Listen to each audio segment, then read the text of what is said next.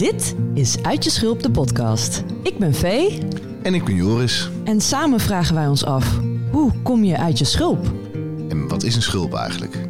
Wanneer ben je erin gekropen en wat heb je er ooit aan gehad? We zoeken het uit door te praten met mensen die werken in mentale gezondheid en persoonlijke ontwikkeling. Maar ook gewoon met iedereen die een ervaring met ons wil delen over hoe die in het eigen leven uit de schulp is gekomen. Want dat maken we tenslotte allemaal wel mee. En meestal zelfs meerdere keren. Door de verschillende verhalen en inzichten te delen, hopen we om iedereen die luistert te helpen om ook een klein beetje uit je schulp te komen. Iedereen is welkom. Want iedereen is wel eens uit zijn schulp gekropen. Pak een drankje, schuif lekker aan, laten we beginnen.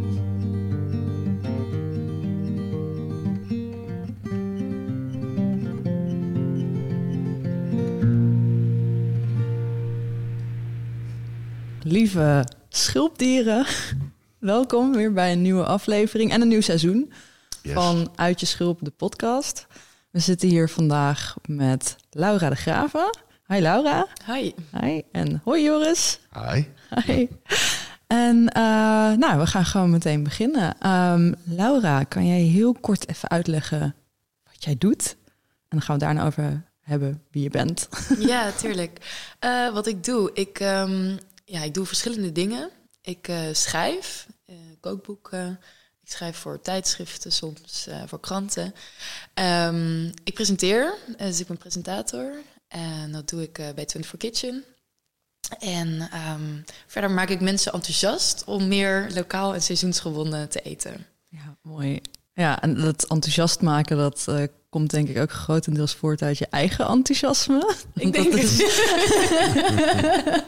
ik denk dat als er één ding is waar ik jou heel erg mee associeer, is het enthousiasme. Dus Ah, dat is denk ik ook wel waarom je hier zit misschien, geloof ik. Omdat ik, ehm, ja, ik, ik zag hoe enthousiast jij bent. En ik denk dat dat een heel mooi iets is, wat heel erg waardevol is. En eh, waar we heel veel aan hebben, denk ik. Sowieso mensen die enthousiast zijn. Dus eh, ja, fijn dat je er bent. Ja, dankjewel. En ehm, hoe, ja, hoe is jouw relatie met eten en koken en eh, je liefde voor eten? Eh, hoe is dat ge- gekomen tot wat het nu is? Ehm, nou, het heeft een hele sterke basis eh, bij mijn moeder. ik ben echt opgegroeid met eh, ja, moeder die gewoon heel erg van koken houdt. En die altijd alles lokaal bij de slager, de visboer, eh, de lokale groenteboer eh, kocht. En um, dus ik ben daar heel erg mee opgegroeid. En toen ik uh, ging studeren, toen kwamen de diepvriespizza's. en alles natuurlijk ja, kwam naar boven.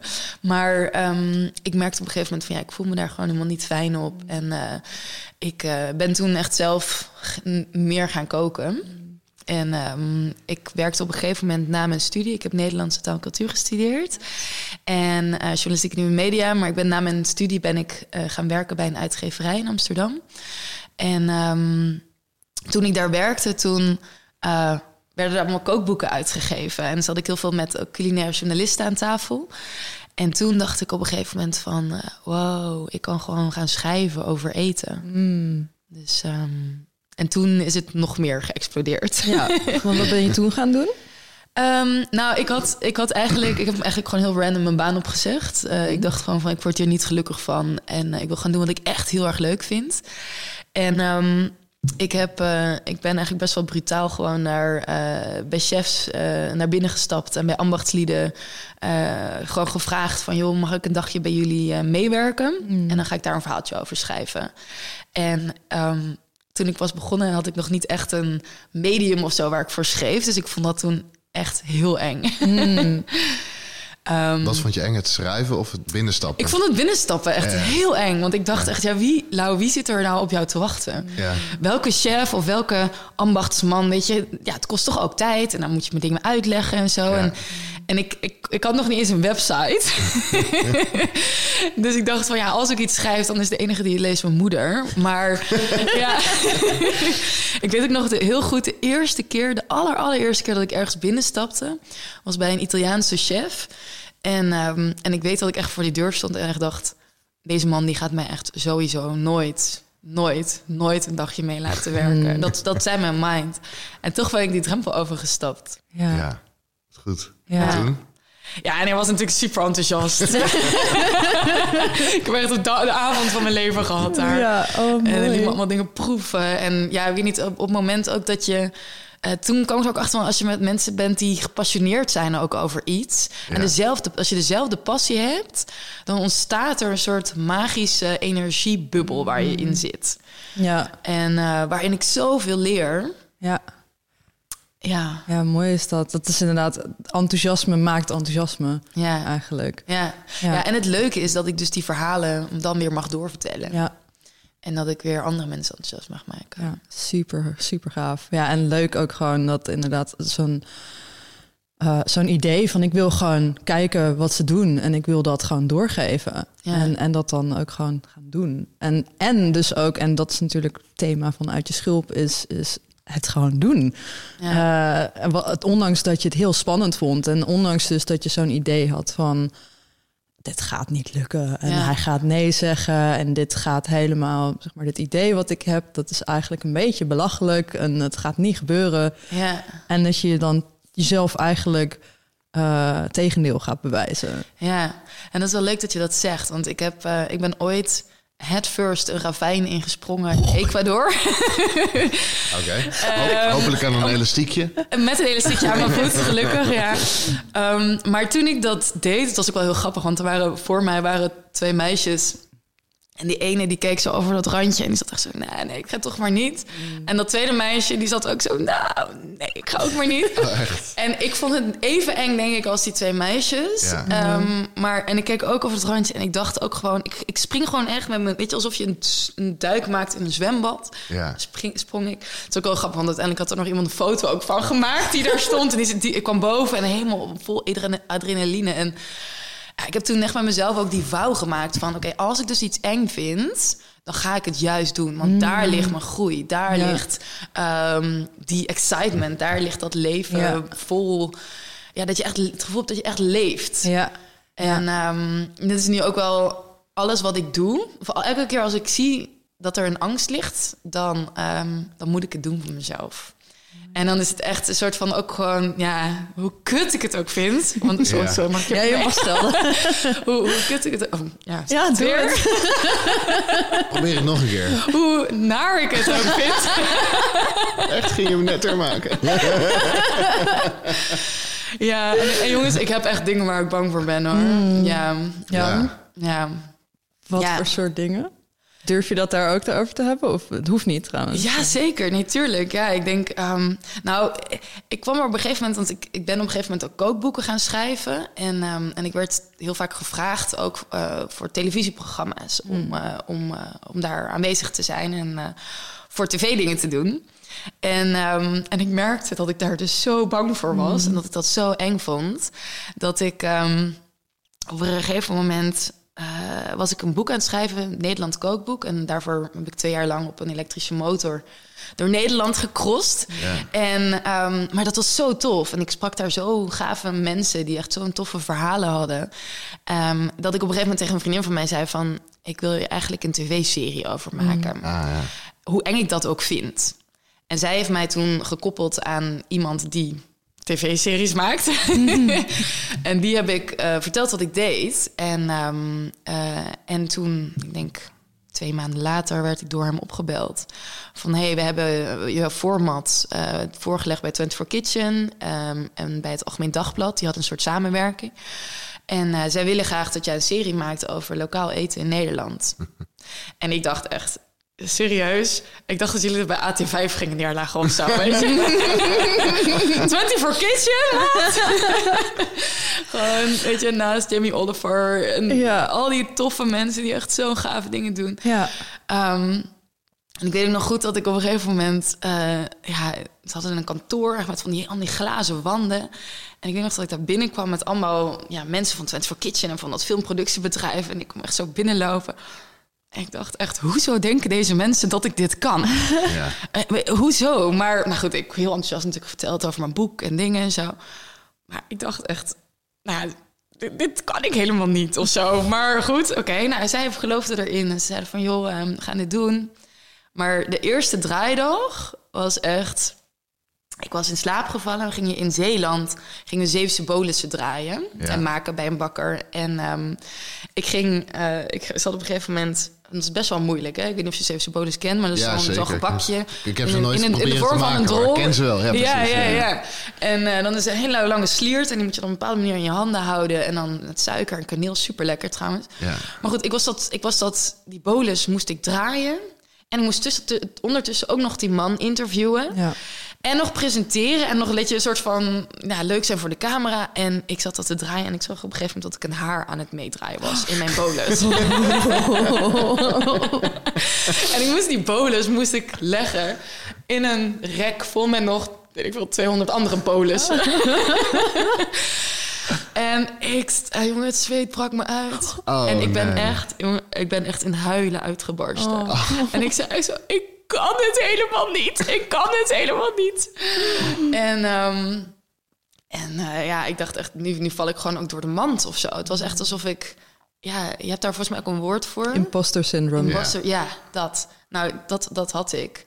En, eh, maar goed, het was heel chill, want die regisseur die kwam toen naar mij toe en die gaf mij toen een Zeeuwse bolus. Of die, die, die gaf me gewoon een glaasje water. en die zei van, joh, je hoeft alleen nog maar zo'n Zeeuwse bolus, hoef je alleen maar een hap uit te nemen, te zeggen, hmm, lekker. En dan zijn we er eigenlijk wel, want je doet het hartstikke Ja. goed. Ja. Dus ik zo, oh, nou, dat kan ik dan nog wel. Ehm, maar ja, het is wel heel grappig. Want als ik nu ook die video's van toen terugkijk, zeg maar... Ja. en dan zie wat voor ontwikkeling ik heb meegemaakt. En nu ook, als je nu een camera op me zet... dan denk ik, jee, leuk, weet je, gaan we. Ja. Ja. Eh, dus daar, eh, ja, ook juist door dat dus te doen. En, en ook om gewoon in huilen uit te barsten voor... Ja. Want je, je staat dan ook op zo'n set met, nou, niet, niet alleen die bakker... maar ook de regisseur en Ja. de producer en nog een cameraman Camera, en geluidsman. geluid, ja. Joepie, weet je. Iedereen staat op je neus, zeg maar. Ja, gaat te kijken wat je het aan- doet. Mee te genieten van jouw schaamtemoment. Ja, inderdaad. Ja. Ja. Maar het heeft je niet laten weerhouden om, het, om er gewoon weer door in te duiken. Nee, Het first, nee. het ravijn in. Ja. Ja. Ja. Wat, en hoe, hoe deal je dan met, die, eh, met dat moment? Is dat iets wat je... Wat ik heb, maar zo'n moment, dat kan mij jaren achtervolgen. Ja? Heb jij dat ook? Of is het bij jou Oh, iets zie- gebeurd en dan ben ik er doorheen en dan is het over? Ja, nou, ik zie het heel erg als een leermoment. Ja, als- als, als echt ja. van, oh, en, en ik ben er trots op dat ik het heb gedaan. Ja, Ehm, ja, dat. Fantastisch. Ja. Ja. Geweldige houding. en, en ja, het is, het is vastgelegd. Dus ja, het is. trauma is er al, zeg maar, weet je? Het zit in Ja. de blooper reel. ja. Ja. Even inzoomen op die haar. kan het niet. hey, en, en vooraf, want je zei, je kwam, er, je kwam- binnen bij de 24 Kitchen en je dacht, ah, maar ik kan dit toch helemaal niet. Was er iets waarvan je dacht dat je dat niet kon? Of was het er meer het hele plaatje dat je dacht, eh, ik kan dit niet? Nou, ik, ik, was, ik was echt best wel onzeker over mezelf. Ja. Van of ik het allemaal. Ik ben heel erg perfectionistisch. Van, of in ieder geval, ik heb mezelf zo geprogrammeerd dat ik heel perfectionistisch ben. Ja. Dus ik wilde het allemaal helemaal perfect doen. En, ehm, maar juist ook door voor de camera te staan, weet je dat alles is in het moment. Ja. Echt alles is in het nu. En, en je, je, je moet het op een gegeven moment ook gewoon loslaten van het kan niet perfect. En ik kwam er ook achter dat juist het imperfecte. ehm, dat dat juist het, dat leukste, de leukste tv oplevert. dus ja, ik heb ook nu ondertussen ook. Ik, ik, afgelopen, eh, of ja, vorig jaar zijn we voor het eerst dan gaan filmen in Oostenrijk ook. Daar heb ik ook weer een serie over gemaakt, maar een ander verhaal. ja. Super. Maar, ja. Ja. Maar daar ehm, was ik op een gegeven moment ook... Dan, dan moet ik, moest ik een, een, een, bij een wijn... kwam ik aanrijden op een elektrische motor bij zo'n wijnboer. En dan moest ik eh, een wijngaard oplopen. Dat was om een berg. En dan stond dan de, de wijnmaker... die stond dan boven op dat berg te zwaaien van... eh, hey Laura! En dan moest ik naar boven lopen. Dus ik, ik, doe mijn in, ik moest eerst een introductie doen... en dan moest ik naar boven lopen. Dus nou, ik doe mijn introductie en ik loop naar boven... En nou, het is echt hilarisch, want als je zeg maar, het is gefilmd dus, en je ziet mij soort van zo die, die wijngaard oplopen. En op een gegeven moment glij ik gewoon naar beneden als een soort van glijbaan. Dus je ziet, ineens is Laura in beeld en is Laura niet meer in beeld. en ik kwam op een gegeven moment eh, bij mijn filmproductiebedrijf, zeg maar, eh, kwam, ik, eh, kwam ik binnen om, ehm, om wat materiaal te bekijken en om wat voice-overs in te spreken. En toen hadden ze, hadden ze dus die scène op repeat gezet. en ja, weet je, dat zijn. Ik, merk, ik weet nu gewoon van juist als dingen niet per se gaan zoals je denkt dat ze moeten gaan, maar je, je het gewoon laat ontstaan. ja. dan, dan ontstaat de magie. Dus ik heb heel erg geleerd om mijn hoofd uit te zetten in dat soort momenten. En echt gewoon te zijn. Dus dit vak is een perfect medicijn voor perfectionisten. Nou, ik denk dat een perfect... Ja, dat, dat, zo, ja, dat is wel goed gezegd. Ik denk sowieso dat het een goed medicijn is voor, eh, voor als je angst hebt voor de camera ook. Ja. ja. Ja, mooi. ja. Ja, tof. Ik, eh, ik, ik ben nog wel heel benieuwd naar eh, dingen die je in het begin van je, van je intro zei eigenlijk. Dus de inspiratie, je moeder. En eh, kan je als ook een soort van beeld schetsen? Want ze, ze ging naar alle lokale producenten. Maar wat was de soort van eetcultuur bij jullie thuis? Ehm, nou, die heeft zich wel ontwikkeld. Ja. Eh, want ik, ik kom uit een heel groot gezin met vijf kinderen. Ja. Eh, dus ja, vroeger aten wij gewoon wel ook hè, stampotten. En eh, ehm, eh, nou ja, ik heb toevallig gisteren een video online gezet over de prijssoep die we vroeger altijd aten als we terugkwamen van een lange wandeling in het bos. Ehm, maar mijn moeder heeft ook de culinaire academie gedaan. Dus heeft ook heel veel ja, culinaire lessen gedaan. En ze, nog steeds dus heel veel kooklessen volgen. En ja, als ik nu, als ik, als ik altijd als ik naar mijn ouders toe thuis ga, zeg maar, dan vraagt moeder: wat wil je, wat wil je eten? En dan ja, heeft ze weer een, een soep gemaakt van Paul Bocuse. Of dan eh, heeft ze weer een kip gemaakt van een of andere sterrenchef. En dan, weet je, dus ze is heel erg, eh, ja, ze vindt het heel leuk om daarin te leren. Ja. En ik vind het ook heel leuk om van haar te leren. En zij vindt het ook weer leuk om van mij te leren. Dus het is een soort van, van uitwisseling. En ik ben denk ik zelf een beetje begonnen met koken toen ik een jaartje of twaalf was. Ja. Toen, weet je, nou, dan leerde ik pannenkoeken maken. Nou, die Ja. prijssoep waar ik het net over had. Ja. Ehm, en ik weet nog wel dat ik op een gegeven moment ook wel uit school kwam... en dan, ehm, en dan tussenuren had. Zeg maar, als ik dan tussen de middag één of twee uur vrij had... dan ging ik altijd naar huis om dan iets te bakken. Ik vond het heel lekker om dan aardappeltjes te bakken met wat kaas... of gewoon iets anders te eten ook dan een gewone boterham. Ja. Ja. Ehm, maar ja, ik heb wel echt van mijn moeder geleerd van wat, ja, wat, wat lekker en, en echt eten is wat je voedt, zeg maar. Ja. Ja, Hoe, hoe kwam zij daaraan dan, en dat, dat idee, weet je dat? van mijn oma. Ja. ja, mijn oma die had, ehm, die had vroeger echt haar eigen moestuin en die had haar Ah, eigen ja. kippen. En Ja. ze hadden een koe die ze, eh, die ze die deelde ze dan met de buren en die slachten ze dan. En dan had ze daar van die halve koe dan het hele jaar door eh, Ah, wat gaaf. Uh, ja. Dus eh, ja, dus ook aan, altijd als we bij mijn oma kwamen. Mijn oma was echt van de taarten, dus echt van de hartige taarten en de zoete taarten. Gewoon alles kwam dan op tafel en dan aten we met z'n allen. En ik denk voor mij ook eetcultuur is heel erg samen zijn, die Ja. energie uitwisselen, de verhalen vertellen. Ehm, en dan als je echt lekker eet daarbij, dat is gewoon een extra dimensie. dat maakt het toch allemaal net nog wel even wat lekkerder. Ja. Echt gezelliger of zo. ja. Dus ehm, ja, een moment van delen ook. Zeker, ja.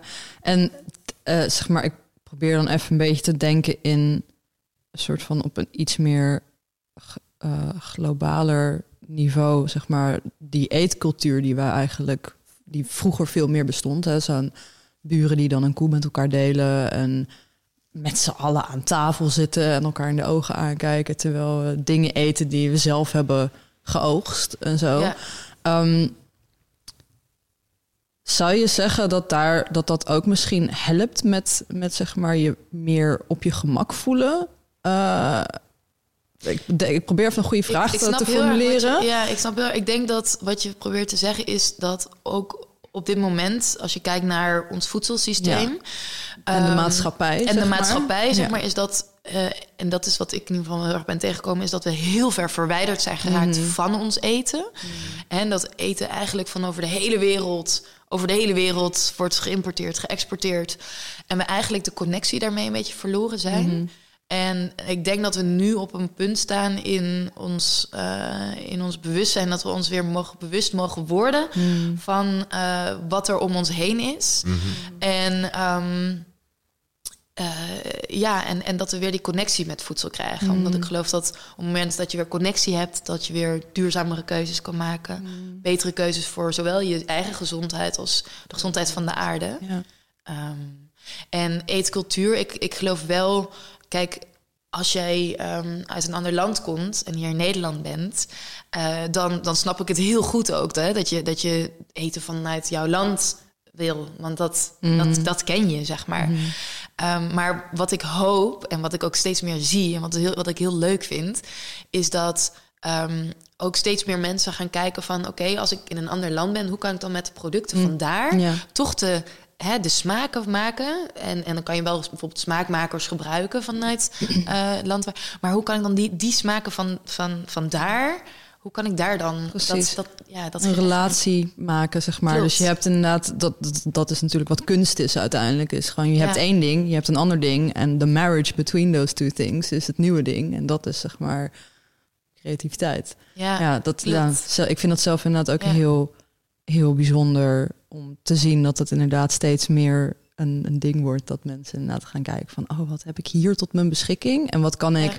hoe kan ik dat eh, tot iets maken wat me doet denken aan, aan waar, het, waar ik vandaan kom of waar Ja. mijn ouders vandaan Ja. komen.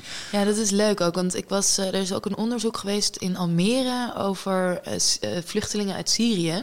En die gingen, bleek dus die, dat, dat ineens al die boerderijen eh, die dan eh, zuivel maakten, of die eh, volgens mij verse melk hadden, daar gingen, kwamen, al, kwamen al die Syriërs, die gingen dus die melk en die, die zuivel, omdat ze daar dan weer hun eigen zuivelproducten van gingen maken. Ah, wauw. Ja, En, dus ineens, Ja. da- en dat was ook een heel leuke ehm, verbinding tussen die, die boer uit Almere met dan Ja. die, hè, dat je, zodat je ook elkaars cultuur leert Ja. kennen en dus die connectie weer, ja, die op, op zo'n manier connectie hebt. Want over Ja. eten heb je ook inderdaad, het gaat heel erg over culturen, heel erg over identiteiten. En eh, ik geloof dat, je, dat we heel erg veel van elkaar kunnen leren daarin. Zeker, ja. Ja, En dus lokaal eten gaat heel erg over wat is er om je heen, maar ook vooral wie zijn er om je heen. Dat je daar ook contact met je ma- Ja. mee maakt. Mooi Ja. gezegd. Ja, Ja. heel Ja. mooi. En wat, wat zeg maar vaak een eh, toch wel een soort obstakel is voor veel mensen, is dat, dat de eh, optie om dus eh, om, om een bepaald soort e- bijvoorbeeld om duurzaam te eten, bijvoorbeeld. eh, vaak een objectie die mensen hebben is ja, maar het is zo duur. Ehm, en, en vanuit daar heb je dus sowieso dat er een bepaalde ongelijkheid ook komt aan wie er eh, toegang heeft tot bepaalde dingen. Ja. Eh, en in hoe, zeg maar, ik weet niet of jij de juiste persoon bent om daarover te hebben, maar Ja. weet jij ook in hoeverre dat, zeg maar, is het, is het heel duur om lokaal te eten? Is dat, Nou, dat te is, doen? het, dat is het leuke, zeg maar, is dat heel veel mensen hebben die gedachten. Ja. Maar als je en lokaal en in het seizoen eet, dan is het vaak veel goedkoper dan Ja. als je niet lokaal en buiten het seizoen eet. Ehm, of sterker nog, eigenlijk altijd. En als je biologisch, alleen als je biologisch, dan is het soms een beetje schuurt het eraan, zeg maar. Maar het- juist het leuke is van lokaal en seizoensgebonden is, is, is dat het voor iedereen is. Het is zo mainstream. Ja. Weet je, iedereen kan super goedkoop verse groenten. En ook als je kijkt eh, in, in die end, hè, dus niet alleen van wat betaal ik nu, maar ook wat betaal ik over een langere termijn als het gaat over mijn gezondheid. Ehm, op het moment dat je lokaal en seizoensgebonden eet, dan krijg je ook exact de juiste vitamines binnen die, je, die de natuur zo heeft bedoeld. Terwijl op het moment dat je dus ongezonde dingen gaat eten, en die dan net wat goedkoper zijn, of, hè, of als je uit, de- buiten het seizoen, dan heb je en veel, min- veel minder vitamines die je tot je krijgt. En op de langere termijn betaalt je, betaal je dus voor je gezondheid. ja. En ehm, ik denk dat, ja, dat dat juist een hele mooie mind switch is die, eh, die mensen kunnen maken. Ja. ja, ik heb sowieso zelf dat ik gewoon niet genoeg kan leren van we moeten meer lokaal gaan eten en zo. En sowieso als je alleen al kijkt naar eh, wat, wat je ermee bezuinigt, ook qua verpakkingen alleen al bijvoorbeeld, zeg Ja, maar. Dat, ja. dat is ook zo'n Ja, ding eh, van vliegtuigen. en vliegtuigen, schepen en- boten en, en vrachtwagens en weet het allemaal voor onzin. En Ja, ja, eh, ik ben even mijn draad En ik zeg dat, maar ik, ik maak net, zo- net zo goed gebruik van. Zeker, ja. Ik, eh, ik, eh, ik koop hartstikke veel bananen, eh, avocado's wel een stuk minder. Maar f- heel vaak let ik ook echt niet eens op waar het vandaan komt. Behalve bij dingen dat ik denk van, hmm, wacht even, dat klopt. Dat klopt. Ja, verse aardbeien of zo, weet je wel. Nu, dat, dan ja, ik van, ah, waar maar komt in, het vandaan? in december verse aardbeien. Ja. oh ja. Eh, maar ik heb dat ook met, met ja, wel bijvoorbeeld met blauwe bessen. Ja, die vind ik gewoon te lekker. Die koop ik dan. Die, die, en dan zie ik, ah, dan kom uit Chili. En, eh, niet kijken. Ehm, Maar eh, Nederland heeft natuurlijk ook een onwijs kassencultuur. Dus heel veel is hier een soort van tussen aanstekens lokaal. Wat eigenlijk niet lokaal is. En ik moest gaan denken doordat je zei... ja, als je lokaal eet, dan eet je vanzelf... ook de soorten vitamines en grondstoffen, voedingsstoffen die je nodig hebt... in, in hier, in dit klimaat bijvoorbeeld. Hoe, is dat, hoe werkt het dan met kassen? En zie je dat dan ook nog steeds als lokaal eten? Mm, ja, kassen. Ja, nou, ik, ik denk. ehm, ja, het is natuurlijk iets wat bedacht is door de mens. Ja. maar ja, de mens is wel redelijk ingenieus. Ik denk dat als het gaat om kassen. Ik vind, het, ik vind het een moeilijke, maar wat ik wel heel erg zie, want mijn eerste ding was van ja, het kost heel veel energie. Maar als je nu kijkt naar de kassensector, dan zie je ook dat er zoveel gaande is op het gebied van duurzame energie. En van, Ah, ja, ja. ehm, eh, ik was laatst bij een, ehm, eh, een plek in de Belmar. Hebben ze nu een soort ja, farm gemaakt, een indoor farm, waarbij ze echt met zonnepanelen of met zonne-energie werken en ze, ze verbruiken maar 0,01% water. En ze kunnen zeg maar eh, dus sla telen en kruiden telen. Ja. Ehm, en, en op zo'n manier dat het ook voor iedereen weer beschikbaar is. En ze kunnen het allemaal zonder pesticiden en chemische eh, kunstmest doen. En als ik dat dan zie dan denk ik ja ik kan hier eigenlijk niks op tegen hebben of zo. Eh, sowieso vind ik zoiets van, van goed fout. Ik probeer niet zo heel erg snel een stempel te drukken. Ja. Ehm, ik geef, moet wel zeggen, ik geef wel zelf de voorkeur aan ehm, voedsel wat echt in de grond heeft gestaan. Ja. Ehm, maar dat is ook persoonlijk. En sommige mensen hebben daar, ja. Ik heb ook geen oordeel erover als, als, dat, als mensen wel, eh, ja. En ik, daarbij is het natuurlijk ook met kassen. Als je kijkt in de zomer, hè, is het natuurlijk veel duurzamer dan Ja. in de winter. Precies, Dus ik vind in de zomer kan je prima tomaten, aubergines, courgettes, paprika's. Dat kan je prima dan uit de kas eten. Ja, ja. En hoe is het in de winter? Ik bedoel, ik, ja, ik sta ook best wel ver van ons, van ons eten vandaan, denk ik. Terwijl ik ook al heel graag in de keuken sta en ergens wel, denk ik, nadenken over wat ik koop en zo. Maar eh, vroeger sloegen we natuurlijk ons eten zelf op en had je een soort van idee van wat kan je opslaan voor hoe lang en, en wat haal je dan wanneer van dat land zo. Ik, ja, ik heb echt geen flauw idee. Ik zie wel in de supermarkt soort van verschuivingen en wat is er wanneer, maar Ja. ehm, Nou, dan heb ik de oplossing voor je. ja, oké, ben ik wel benieuwd. Maar ik denk, ben wel benieuwd van hoe, hoe, ja, inderdaad, dus hoe weet je wanneer wat er is, wanneer en eh, wat is wanneer is seizoen en eh, is de winter niet ook gewoon een hele soort van voedselarme periode in die zin? Mag ik een toevoeging doen aan deze zeker. vraag? Dan wordt het ik mezelf complexer voor je om Ja. nee, zeg maar, want in principe, zeg maar, wat, wat dus veel mensen denken als ze luisteren naar, oké, seizoensgebonden eten is, ja, maar er is niet zoveel aanbod in bepaalde seizoenen. Dus we willen meer, zeg maar, eh, eh, hoe zeg je dat? Ehm, variety, eh, Variëteit, variëteit. Er is nog een ander woord voor. afwisseling. Afwisseling, dat is het. Zeg maar dat mensen denken van, ja, maar ik wil niet alleen maar aardappels eten in de winter, zeg Nou, dan maar. ga ik even, even jullie vanuit het sprookje helpen dat er Yes. geen variëteit is. Yes. We hebben meer dan 65 verschillende soorten groenten en meer dan 15 verschillende soorten fruit in Nederland. Ja. Dus als je, nou, je zou in principe elke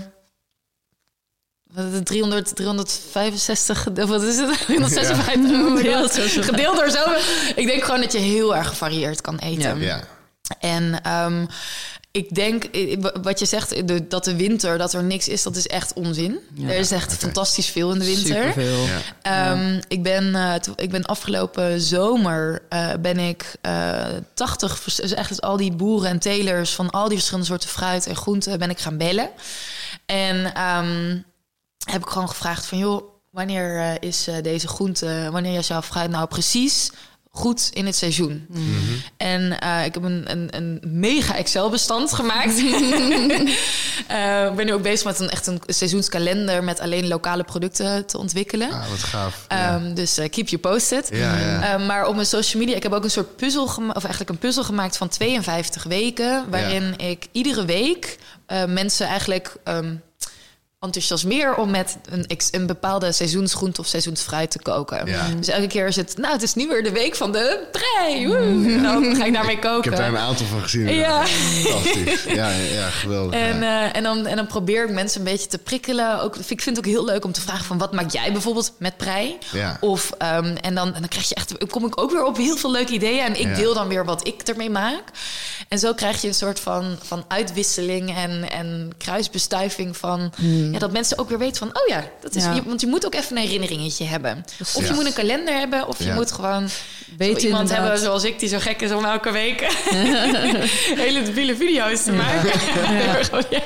Oh nee, Ja, fantastisch. en- nou, en- zodra die er is, dan heb je alvast eh, de eerste eh, koper. hier. Leuk. Ja, voor mij inderdaad ook. Ik geloof Ja. dat je daar ook al over had gesproken. Want dat is iets waar ik zelf ook heel erg mee bezig ben. Zeg maar gewoon, er is ehm, eh, in het dorpje waar ik dan in Engeland heb gewoond, is een soort van standaard ding wat bij mensen in huis hangt, is dus de kalender, zeg maar. Dus de oogstkalender. Dus dat Ja. zeg maar iedereen. Oh ja. Want het is daar best wel een boersdorp. Dus Ja. we hebben twee boerderijen. Dus mensen zijn gewoon heel erg bewust van. Ja, mensen eten daar gewoon veel meer lokaal en veel meer met seizoenen. Dus er zijn zo van die ehm, papieren gelamineerde velletjes met dan tekeningetjes erop ook en zo. En er Ja. staat dan eh, per seizoen, zo van wat er dan in het seizoen is. Dus wat je dan kan eten en kan kopen en zo. Het is redelijk beknopt, zeg maar. Dus het is niet dat het super compleet is. Dus vandaar dat ik ook zelf, zeg maar, daar ook nog mee Ja, bezig ben. Van, but there's more. And I know there's more. Bijvoorbeeld een van de dingen die we compleet vergeten. En dat is zo'n argument wat dus veel gemaakt wordt. Van, van ja, maar we moeten wel onze vitamines en zo. En in de winter is er niet genoeg fruit en zo. Terwijl bijvoorbeeld rozenbottels eh, Ja. zijn super voedzaam. Er zit veel meer vitamine C in dan bijvoorbeeld in een sinaasappel. Ja. Die is seizoens, zeg maar, die, die is aanwezig in de maanden van december en januari. En dan zijn ze zeg maar op hun best. Dus die, die kan je gewoon plukken. Kan je gratis gewoon plukken ook. Gewoon. Die groeien overal. En we hadden bijvoorbeeld ook met de kerstaflevering over bijvoorbeeld dennennaalden en zo. Daar zitten ook gewoon eh, bepaalde stoffen in die heel voedzaam zijn voor mensen en zo. En het just it's here already. We hebben zo'n rijkdom aan, eh, aan wat er allemaal aanwezig is. Maar inderdaad, mensen moeten het wel weten. Ja, klopt. Ja, ik denk dat... ehm, er zijn meerdere net ook. Hè, van bijvoorbeeld duindoornbes. Ik weet niet of je dat kent. Er zit ook heel veel vitamine C in. Mhm, Super is ook lekker. Fantastisch. En cranberries Ja, cranberries, heerlijk. Ehm, ehm, maar wat ik in de winter ook vaak... Want jij zei net, dat vond ik wel grappig. Jij zei net van, ik eet eh, eigenlijk altijd wel bananen. Nou, dat Ja. had ik dus ook. Ja. Maar ik ben op een gegeven moment me daar dus bewust van geworden... dat ik dus elke dag een banaan at. Maar dat is echt al een paar jaar geleden. Hè? Maar, Ja. maar daar werd ik me van bewust. En toen dacht ik van, ja, maar wacht eens even. Het is eigenlijk best wel gek. Ja, hoe lekker ik het ook vind, zeg maar. Ik vind elke dag best wel veel. Ja. Ehm, dus daar kan ik best wel een groot verschil maken. Ja. Maar in de winter zeg ik altijd, weet je, ga lekker peren en appels. Ja. Die worden allemaal in de herfst geoogst, maar die kunnen allemaal echt... De hele winter eh, kan je daar lekker eh, van blijven eten. Ja. Ehm, en als je wel bijvoorbeeld, hè, want je zei net bijvoorbeeld eh, in de winter eet ik graag dan ehm, eh, blauwe bessen Ja. dan wat, wat, wat ik nu doe, dan, zeg maar, is dan. Of ik ga in de zomer, als al die bessen er zijn, ga ik het eh, inmaken, in de vriezer doen. In, weet je, gewoon dat je achter, gewoon de batches hebt, zeg maar, van, van, dat, van dat ding. Eh, want dat is ook leuk, hè? Je kan ook eh, inmaken, jams maken, weet ik van, waardoor je het Ja. dus de hele winter eigenlijk kan blijven eten. Ja. ja, ja. Maar dat is wel kennis ook die we weer zijn vergeten. Ja. En eh, wat Nou, mijn oma is- ook altijd deed. En het is werk. En, is werk, en, ja. en, eh, en, ehm, eh, en werk wat niet en nu resulteert in genot. Je bent zo'n snelle genot. nou, nee, helemaal niet. Ik sta, ik sta liefde een, een half dag in de keuken. Echt, Ja. ik, ik vind het een van de fijnste eh, activiteiten. Maar ik weet wel gemiddelde dat de persoon. gemiddelde tijd die, die men besteedt aan, eh, aan eten bereiden... is steeds korter geworden. Ja. Eh, De magnetron. En inderdaad het idee van eh, eh, directe bevrediging. Dus natuurlijk, eh, zeker in voeding, is gewoon over aanwezig. Ja. Dus dat is, ik, ik snap het, maar voelt voor mij ook nog als een drempeltje. Dan moet ik het echt een keer, moet i- bijna iemand me een keer aan de hand nemen om te laten zien hoe dat werkt, weet je wel. Inderdaad, Ja. omdat, dat, omdat dat niet meer wordt getoond. Ja. Dus bij, het is bijna zo eenvoudig als een pannenkoek maken waarschijnlijk. Maar als mijn vader me dat nooit had geleerd vroeger, dan had ik nu ook gestaan van hoe maak je eigenlijk een pannenkoek? En Ja. dan was de eerste twee keer ook nog misgegaan waarschijnlijk zo. Ja.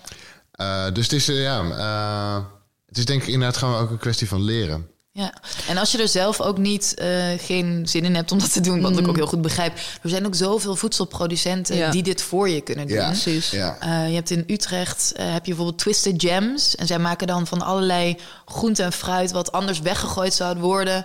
Dat, dat maken zij in. In Oh, botjes en dingetjes. Dus, ehm, en je hebt bijvoorbeeld ook eh, No Waste Army. Ja, ja. Uit mijn hoofd. Ja, die- Eh, die, die hebben ook dat ze al die groentes en fruit... eh, die maken dat in en die maken er weer jams of ketchups... of Mm. eh, weet ik veel, pasta sauzen mee. Of, dus je kan het ook gewoon natuurlijk kopen van mensen... Ja. die het hebben ingemaakt. precies. No Waste Army en die in Utrecht was? Twisted Jams. Twisted. Jams. Oké, Ja. tof. Ken ik niet. Ga ik opzoeken. Ja, ik ben zelf dus sowieso ook zeg maar bezig met een soort netwerk maken van allemaal mensen die dus dingen maken en zo. Want Ah, leuk, ik, ja. ik vind zelf dus dat het makkelijker moet voor de gemiddelde Nederlander. En dus inderdaad, de meeste mensen weten niet waar ze moeten beginnen of überhaupt dat het gebeurt, zeg maar. Dus Ja. ik denk dat het, ja, zeg maar, ik weet dat er meerdere mensen zijn die dat aan het doen zijn, maar ik, voor mezelf probeer ik ook een soort van een netwerk te maken van, oh ja, waar zijn al deze dingen en waar kan je terecht en wat wordt er allemaal gemaakt en zo. Ja. Want ik denk dat dat uiteindelijk, ehm, zeg maar, inderdaad dingen zo van andere mensen. Andere mensen moeten het voor ons doen, een beetje. zeg maar, ja, we zijn heel, inderdaad, we zijn heel lui geworden of zo. En er is niks mis mee verder of zo. Maar, en ook voor sommige mensen, het interesseert sommige mensen ook gewoon echt niet. Jij en ik hebben dan, en jij natuurlijk ook, maar wij hebben gewoon dat we gewoon toevallig heel erg van koken houden. Ja. En de, ja, zeg maar, er zijn ook mensen die absoluut geen ene reet erom geven om in de Ja. keuken te staan. En die gewoon ook eten niet zien als het, hetgeen wat, wat het is eigenlijk. Een soort van levensgevend iets. En die het gewoon zien als Ja. fuel. Van, nou, ik moet gewoon aan de bak en eh ik maak me niet zoveel uit hoe het smaakt. Ik moet gewoon eh, energie hebben en eh, gaan. Ja. Lekker op zijn Nederlands. Ja, dat is gaan. letterlijk wat mijn buurjongen vroeger ook zei. Van, ja, het is dat het moet, want anders zou ik, anders zou ik het Ja, niet doen. en dat zijn, zijn er inderdaad genoeg Maar het leuke is, is dat je er kan... Je kan bijvoorbeeld... Stel dat je gewoon op een zaterdag... Als je gaat wandelen... Ja. En je weet een plek waar, waar ze rozenbottels hebben, bijvoorbeeld. Ja. Dan maak je er een uitje van. Dan ga je een lekkere wandeling maken. En dan kom je thuis. En dan, weet je, als je dat. En als je ook nog eens doet met gelijkgezinden. Dus mensen die het ook Mm. leuk vinden. Dan heb je zo'n toffe dag, zeg maar. en dan ja. ga je het samen inmaken. En dan. Ja, en dan kan je daar de hele winter, elke keer als je dan zo'n één schepje, want je hebt maar één schepje Ja. nodig om voldoende vitamine C binnen te krijgen, bij zo'n spreken. Dan, dan, elke keer als je dat dan eet, dan herinnert je dat aan die leuke dag die je toen had. Ja, ja. Toen je dat ging oogsten en toen je dat ging inmaken. Ja. En ja, je kan er zo lang van genieten, van zo'n klein beetje tijd eigenlijk. Ja. En je krijgt er zoveel meer waardering. Je krijgt eigenlijk een soort meer, ja, ik noem het al een energetische relatie met je eten, zeg maar. Ja, ja. En mensen vergeten dat ook dat dat echt, zeg maar, niet alleen maar wat je eet, maar ook hoe je iets eet. Ja. Dat dat even belangrijk is. Bijvoorbeeld, ehm, eh, hoe heet dat? Ja, zeg maar, mensen die gewoon bijvoorbeeld stress eten en zo. En, en, en, En emotie en emotie eten Ja. en zo. En je ziet vaak dat dat. ehm, er zijn bijvoorbeeld heel veel mensen die gewoon echt alles kunnen eten wat ze willen.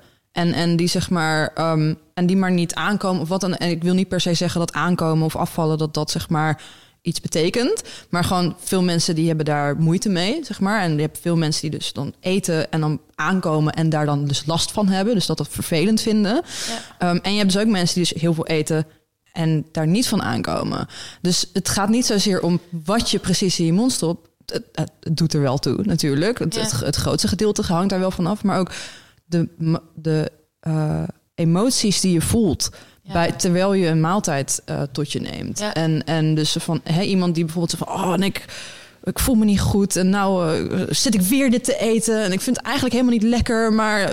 dus zeg maar dan, ja, je ne- lichaam neemt het letterlijk op een andere manier op dan wanneer je zit van, ach, die leuke dag toen, oh, dit proeft zo lekker. En, oh, en bij elk hapje moet ik denken aan dat ene grapje wat ze toen maakte toen we het aan het plukken waren, of toen mijn mouw vasthing in de bramenstruik en zo. En Ja. ja, er is gewoon zo'n groot verschil tussen. Dus hoe je iets eet. hè? hoe je iets Ja. eet en energie inderdaad die je ergens, ehm, die je ergens uithaalt. Ja. Eh, en, en het kan heel simpel zijn. Dus van gewoon letterlijk dat je ja, een, een snackje eet of zo. Weet je, gewoon iets wat normaal gesproken niet per se heel gezond zou zijn. Een gebakje of zo. En dat je dat gewoon eet met echt een waardering voor Ja. dat gebakje. Ja. En dat dat alleen al gewoon heel veel verandering kan geven in hoe je lichaam iets opneemt. En Ja. het is just mind-blowing, zeg maar. Van Ja. hoe, hoeveel invloed dat eigenlijk wel niet heeft. Nou ja, ik wil, ja, ik, ik, ik, ik, ik wil dat wel nuanceren. Want ik snap wat je zegt. Hè? Dus eh, als ik lekker ga zitten, gezellig met iemand met een gebakje en een goed gesprek. Eh, is het heel anders dan wanneer ik s'avonds in mijn eentje op de bank voor Netflix. Zal ik chips zit ja, of, of zelfs hetzelfde gebakje, want dan is het ook, dan gaat het gewoon gedachteloos. Mijn lichaam doet er precies hetzelfde mee. Want het is, eh, eh, ik geloof niet dat ik dan, dat er mijn verteringssysteem dan ineens heel anders werkt. Maar de, het gevoel van vervulling en daardoor ook soort van dat je na dat gebakje denkt, heerlijk, en dat was het.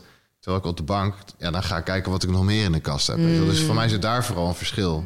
Mijn darmen zijn niet eens een andere darmen geworden als ik, als ik met iemand gezellig zit. Ja, ik, ik, ik hoor wat je zegt, zeg maar. Ja. Inderdaad, ik, ik ben het ermee eens dat inderdaad de motivatie van achter... Bijvoorbeeld mensen die dan op dieet gaan en die dan zeg maar van... ik mag niks lekkers meer eten. Alles wat lekker is, mag ik niet meer. En, en zeg maar, en dat is natuurlijk een recipe voor disaster, Ja. omdat dat gewoon... Terwijl, ehm, terwijl als je inderdaad zeg maar van... oké, ik mag één snack eten vandaag. Ik mag één ding wat ik echt heel lekker vind eten vandaag. Maar ik moet er echt voor gaan zitten en ervan genieten. En het dan ook echt soort van... Het moet ook echt mijn favoriete snack zijn, zeg Ja. maar. Dus het moet het, het ding zijn wat ik eigenlijk niet mag.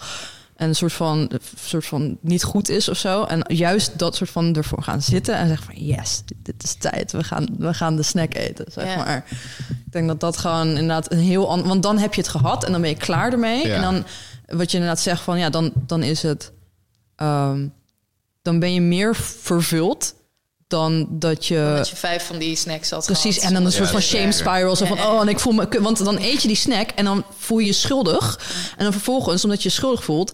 moet er nog meer bij. Omdat je... Nee, maar omdat inderdaad... Je gewoon je toch al verpest. ja, precies. Maar ook gewoon dat schuldgevoel is vervolgens weer... like, dat is het ding wat je probeert te fixen, zeg maar. Dat is dus de schaamte en leegte, zeg maar. Dus Ja. van, Ja. en, en, en, en dat eh, is dus het ding wat je probeert te fixen met die snack.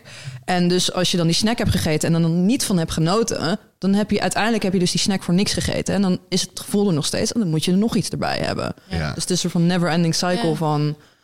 Ja. Ja, en ik denk inderdaad dat, Vervulling. dat, dat, dat eh, de ultieme ehm, relatie die je kan hebben met je eten... is dus als je ook weer weet waar het vandaan komt... Ja. en hoe, dat, hoe het geproduceerd is. En, Ja. en dan... ehm, ja, ik denk dat als je dat, zeg maar, die relatie weer hebt... dat je het dan nog Makkelijker. beter tot, tot Ja. je kan nemen, zeg maar. En nog meer eh, mindful, bewust met... met van oké, dit voedt mijn lichaam echt. Mm. Want we zijn een beetje vergeten dat eten ons, onze, engine, zeg maar, onze, ons, onze engine aan de gang zet, zeg maar. Ja, en we zijn ja. eten in ons hoofd, we zijn het gaan pro- anders gaan programmeren. Jij, Wat je ook zei inderdaad, hè, van eh, ik... ehm, ik eh, eet nu anders, of ik eet, ik eet minder, eh, of ik eet, eet sneller, we eten sneller tegenwoordig. Ja. Ehm, we, Ja, we eten sneller en, en we besteden minder tijd aan koken, Ja. gemiddeld. ja, ja. Ja, En ik denk dat als je je daarvan bewust wordt, Ja. dat je wel die knop ook weer om kan zetten. Dus Ja. door wel weer die bewustwording op te zoeken en die connectie met je eten. En hey, hoe voelt mijn lichaam eigenlijk? En hoe ga ik eigenlijk op bepaalde soorten voedingsmiddelen? Ja. En ehm, ik ben het helemaal met jou eens dat je inderdaad gewoon af en toe moet je zo lekker genieten van iets heel lekkers. Ja. Eh, maar ook weten dat bijvoorbeeld waar bepaalde voedingsstoffen in zitten. Want Ja. in mijn ogen, als je nu kijkt naar ons voedselsysteem, Ja. zijn er eigenlijk twee soorten voedsel. Je hebt het voedsel wat geen echte energie geeft en Ja. voedsel wat wel echte energie geeft. ja. En aan de ene kant heb je gewoon van het spectrum zit gewoon het fabrieksmatige, eh, geïndustrialiseerde, weet je, wat ook eh, bespoten is met kunstmest, chemische bestrijdingsmiddelen. En aan de andere kant heb je het voedsel wat met liefde is gemaakt, al bij een boer. Hè, die echt zijn land ervoor zorgt dat de wormen. Ik ben echt bij boeren geweest, jongens. Die, nou, ik heb wormen gezien. Ik heb ze geteld. Ik heb alles. Maar als je, als je ziet, zeg maar, van hoe zo'n land eruit ziet in vergelijking met een land van een boer, dan. En je, en je ziet weer hoe dat wordt geproduceerd, hoe het gemaakt wordt. En, en vervolgens kies je daar dus voor om dat eten te, Ja. te eten. Dat is in mijn ogen eten wat, wat ons echt voedt. Zeker. Ja. En waar je ook echt eh, gewoon lekker de dag mee doorkomt. Mm. Ja. En waarbij je niet alleen jezelf voedt, maar ook de natuur en de omgeving om je heen. Ja. Want Ja. dat vergeten heel veel mensen nog wel eens. Dan denken ze alleen maar om hun eigen gezondheid en dan vergeten ze de gezondheid van eh, moeder aarde. Ja, dus, de- dus zelfs, de, eh, zelfs het idee van ah ja, meer groente eten is, eh, is, nog niet, is nog niet voldoende, zeg maar. Dus het is en lokaal en op een vol- eh, verantwoorde manier geproduceerd. Ja, in mijn, ja, in mijn Ja. ogen is eigenlijk lokaal, gifvrij Ja. en eh, dus biologisch en Ja. eh, seizoensgebonden eten. Ja. Dat is in mijn ogen de beste manier om eh, te eten. Ja. Ja. Het is echt heel, heel bizar, zeg maar. eh, ik, terwijl je dat aan het zeggen was over dus inderdaad het verschil tussen de ene boer en de andere boer. Het is grappig, want de, ehm, ik was een poosje geleden bij Bodemzicht geweest in eh, zo'n regeneratieve eh, boerderij in eh, Malden. En die zaten op hetzelfde stuk land als dus een aardappelteler. En het was echt bizar. het verschil tussen die twee stukken land... die zo dicht naast elkaar zaten. En ehm, zij waren daar geloof ik... ik weet niet hoe lang ze precies bezig waren... maar dus zeg maar, ze, ze, ze waren dus... ik denk drie jaar of zo, of misschien langer...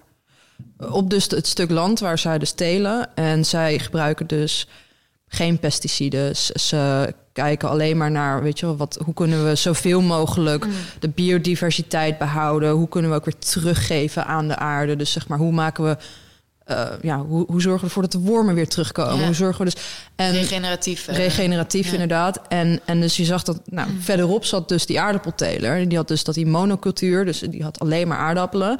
Zijn aarde was geel. Ja. Door en geel. Ja. En het was echt een soort van, een soort van nachtmerrie om Oh, er naar te kijken. Ja. Het was echt dat je echt zoiets van hoe komt daar überhaupt iets uit?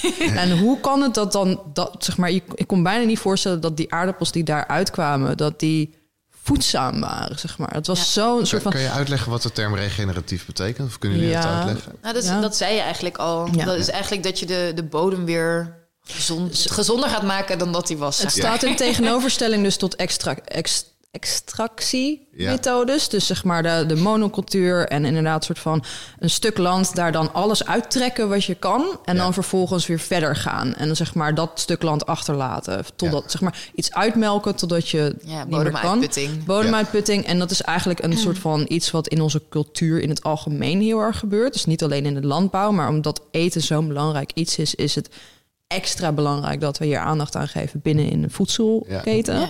En ehm, in een regeneratief gedachtegoed wordt er dus gekeken naar, oké, hoe kunnen we dit voor iedereen, alles wat hier aan vastzit, eh, positief maken. Ja. Dus ehm, eh, niet alleen maar van hoe kan ik hier zoveel mogelijk aardappels uit krijgen, zodat ik zoveel mogelijk kan verkopen, maar ook van wat is hier nodig voor iedereen, dus ook voor de vogels die hier langskomen, ook Ja. voor de wormen, ook voor alle andere insecten, de eenden, de vosjes, de weet ik het allemaal, want die zijn onderdeel ook van onze wereld en dus ook van de voedselketen. Dus hoe kunnen we ervoor zorgen dat, ieder, dat dit voor iedereen iets oplevert en Ja. niet alleen Ja. maar voor de mens. En dan ook niet alleen maar voor de mens. Want uiteindelijk in de lange termijn levert het helemaal niks op voor de mens. Nee. Dat hebben we ondertussen wel, geloof ik, gemerkt. Van dat het op de, op de korte termijn, dus levert het iets op voor die boer, zeg maar. Van Ja. geld. Which is great. En iedereen moet geld kunnen verdienen.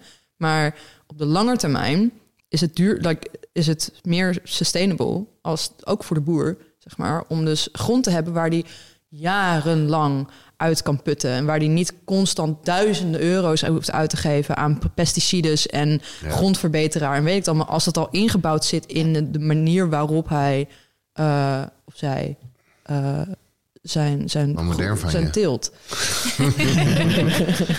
Ja, Maar- zeker boerenbedrijven zijn natuurlijk ook nog eens vaak familiebedrijven... die generatie Precies. op generatie op generatie doorgaan.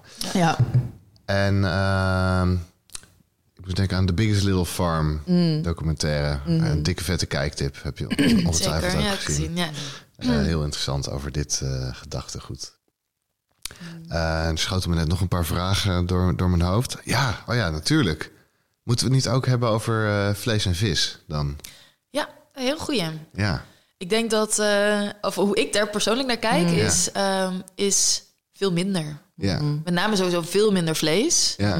Eh, ik denk echt dat één keer in de week een, een klein stukje vlees meer dan genoeg Ja. is. Ja. Want Als ik, wat ik net zei hè, over mijn oma, ja. Ja. dat hij dus met een halve koe het hele jaar deed, Ja. met Ja. het hele gezin. Twee gezinnen inderdaad. Twee Eén gezinnen, hele ja, koe. een hele ja. koe, ja, inderdaad. En, en ze aten gewoon op zondag Ja. Een stukje vlees. Ja. Dat was het. ja. En ze gebruikt het hele dier, alles. En ik denk dat dat, dat dat meer dan genoeg is. Ik denk dat het grootste probleem van deze tijd is onze eh, intensieve dat? veeteelt. eh, Ja. met name in Noord-Brabant natuurlijk, waar echt eh, megastallen zijn. ja. Volgens mij, ik oh, me er niet op vast hoor, maar volgens mij worden er iets van 40.000 varkens dagelijks, dat, dat, zag- dat las ik laatst, dagelijks geslacht in Ja. Nederland. En, het- maar, en het bizarre is dat ook nog eens de grootste deel is voor de export. Ja. Ja, Dus dat wij blijven letterlijk met alle shit zitten. Ehm, en alle uitstoot. Dus ik denk gewoon dat, dat daar echt Ja. heel veel te behalen is. ja. En vis is wel een lastige, omdat um, nou ja, het kost natuurlijk ook energie om met die boten te varen. En er zijn natuurlijk tegenwoordig mega schepen eh, waar, waarmee gevi- ge- gevist wordt. Ja. Eh, zijn ook kleinere schepen, maar met name, ik weet niet, is, is er ook zo'n film over? Oh, daar kom ik nog even op beeld. Finding Nemo. die is wel leuk. maar die wil je ook niet eten dan, die Nemo.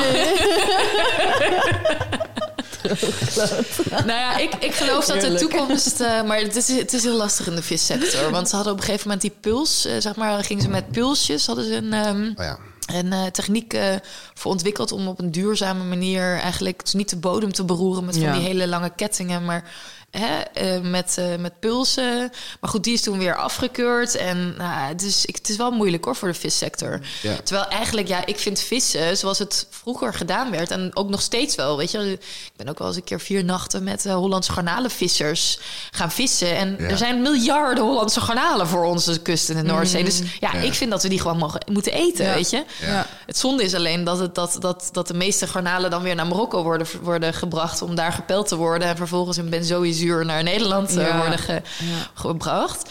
Um, maar goed, er zijn nu ook weer ontwikkelingen met pijlmachines. Dus dat ze, dat ze in Nederland worden gepeld. En weet je, dus er is heel veel gaande. Uh, maar ik geloof wel dat we in de toekomst hoop ik dat, dat die vissector ook gewoon meer met, met duurzame boten kunnen, kunnen vissen. En gewoon echt goed die, die, die visbestanden dan moet ik zeggen, volgens mij in de Noordzee is het allemaal best wel goed geregeld en, en zo. Het is gewoon op, in bepaalde delen in de wereld dat ik denk van, mm, ja. nee.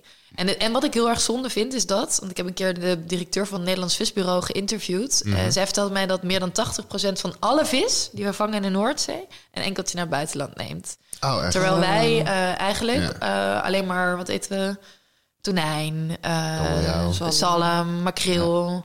Uh, Pupagasius, allemaal dat soort vissen die allemaal niet lokaal zijn, vaak overbevist, vaak niet echt uh, op heel uh, koosje manieren gevangen met heel veel bijvangst. Ja. Terwijl ik denk van ja, als we nou gewoon kijken van hè, wat, wat zit er in de Noordzee en wat voor en gewoon die duurzame vis, vissers steunen door hun vis te kopen, dan geloof ik dat dat veel beter is. Zeker.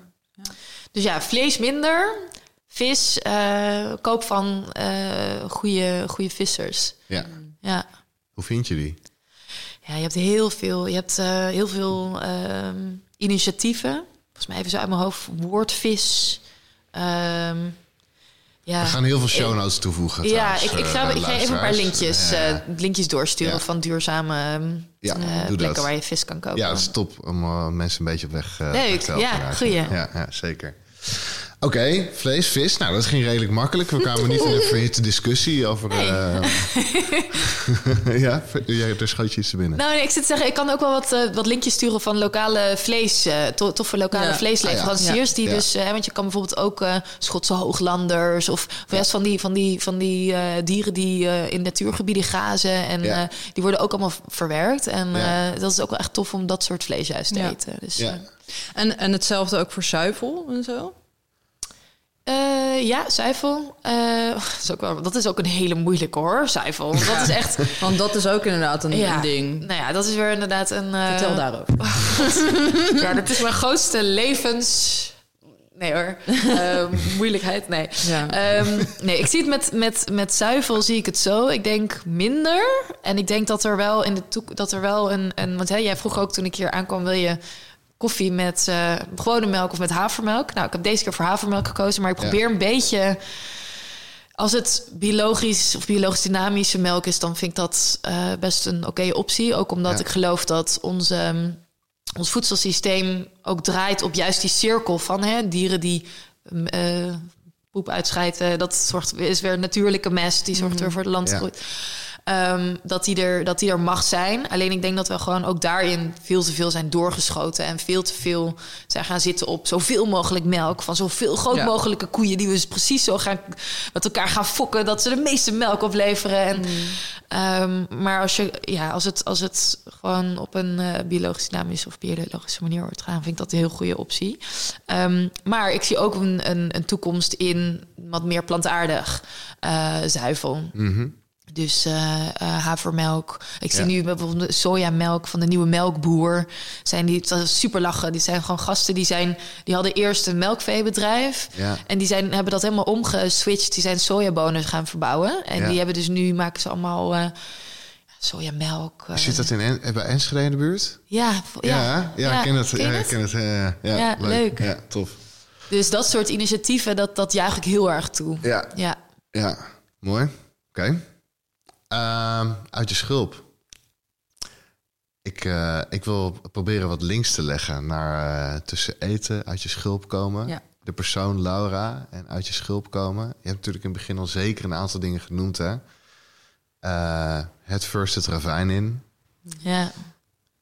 Misschien wel gewoon een vraag. Hoe, hoe, hou, je die, hoe hou je die warm, die gedachte of die, die beslissing, die vow, zoals je het zelf, zelf noemde? Die soort van gelofte aan jezelf.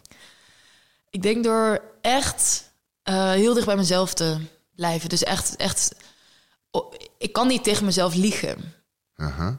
En ehm, als ik voel intuïtief dat er weerstand is... Ja, dan kan ik die niet langer. ehm, daar, kan ik niet langer. Daar, kan ik niet tegen vechten, want dan kost het me heel veel energie. ja, Dus ik moet eigenlijk wel met die flow meegaan, met die stroom mee van het, van het leven. En, ehm, en, en op de een of andere manier brengt het leven mij ook de hele tijd weer. Dus juist die dingen waar ik dus die weerstand tegen voel. Mhm. En, en waar ik de angst voel. En ja, in een ander heel groot ding waar ik dus bijvoorbeeld heel bang voor, voor ben, nog steeds. Ondanks dat ik het al heel vaak heb gedaan, is voor, om voor hele grote groepen mensen te staan. Oh ja. Daar heb ik ook zo'n angst liggen. En dat, ik weet niet wat het is, maar echt, jongen, mijn hart gaat tekeer. En ik vind dat zo eng. En elke keer weer bellen mensen me op en dan zeggen ze: Lau, ik heb er iets leuks voor je. Ja, wil je, weet ik veel, weer moderator zijn bij dat evenement? Of wil je weer eh, een pitch geven voor 500 bedrijven? En elke keer denk ik weer: Jee. Ik weet gewoon, ik, ik kan niet tegen mezelf zeggen: van nee, ik doe dat niet. Ja. Want dan zeg ik eigenlijk tegen mezelf: nee, Laura, je wil niet verder ontwikkelen. Je wil niet verder groeien. ja. En ehm, ik had toevallig vorige week ook een heel mooi gesprek met iemand over, over geld. ja. En dat was ook echt dat, dat ik.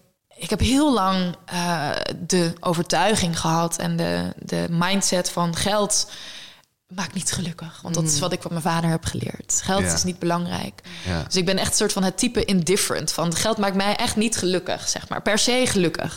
Maar ik ben nu in een soort van overgangsfase... waarin ik dus zie wat geld voor iets moois is. En wat Ja. voor waarde geld kan creëren. En ook de waarde van mezelf zien in het geldaspect. Ja. En ik had dus vorige week was een grappig een gesprek met iemand die zit heel erg in, in funding en is met heel erg met geld bezig. En die zei tegen mij: Lau, er zit een angst van jou Ja. bij geld.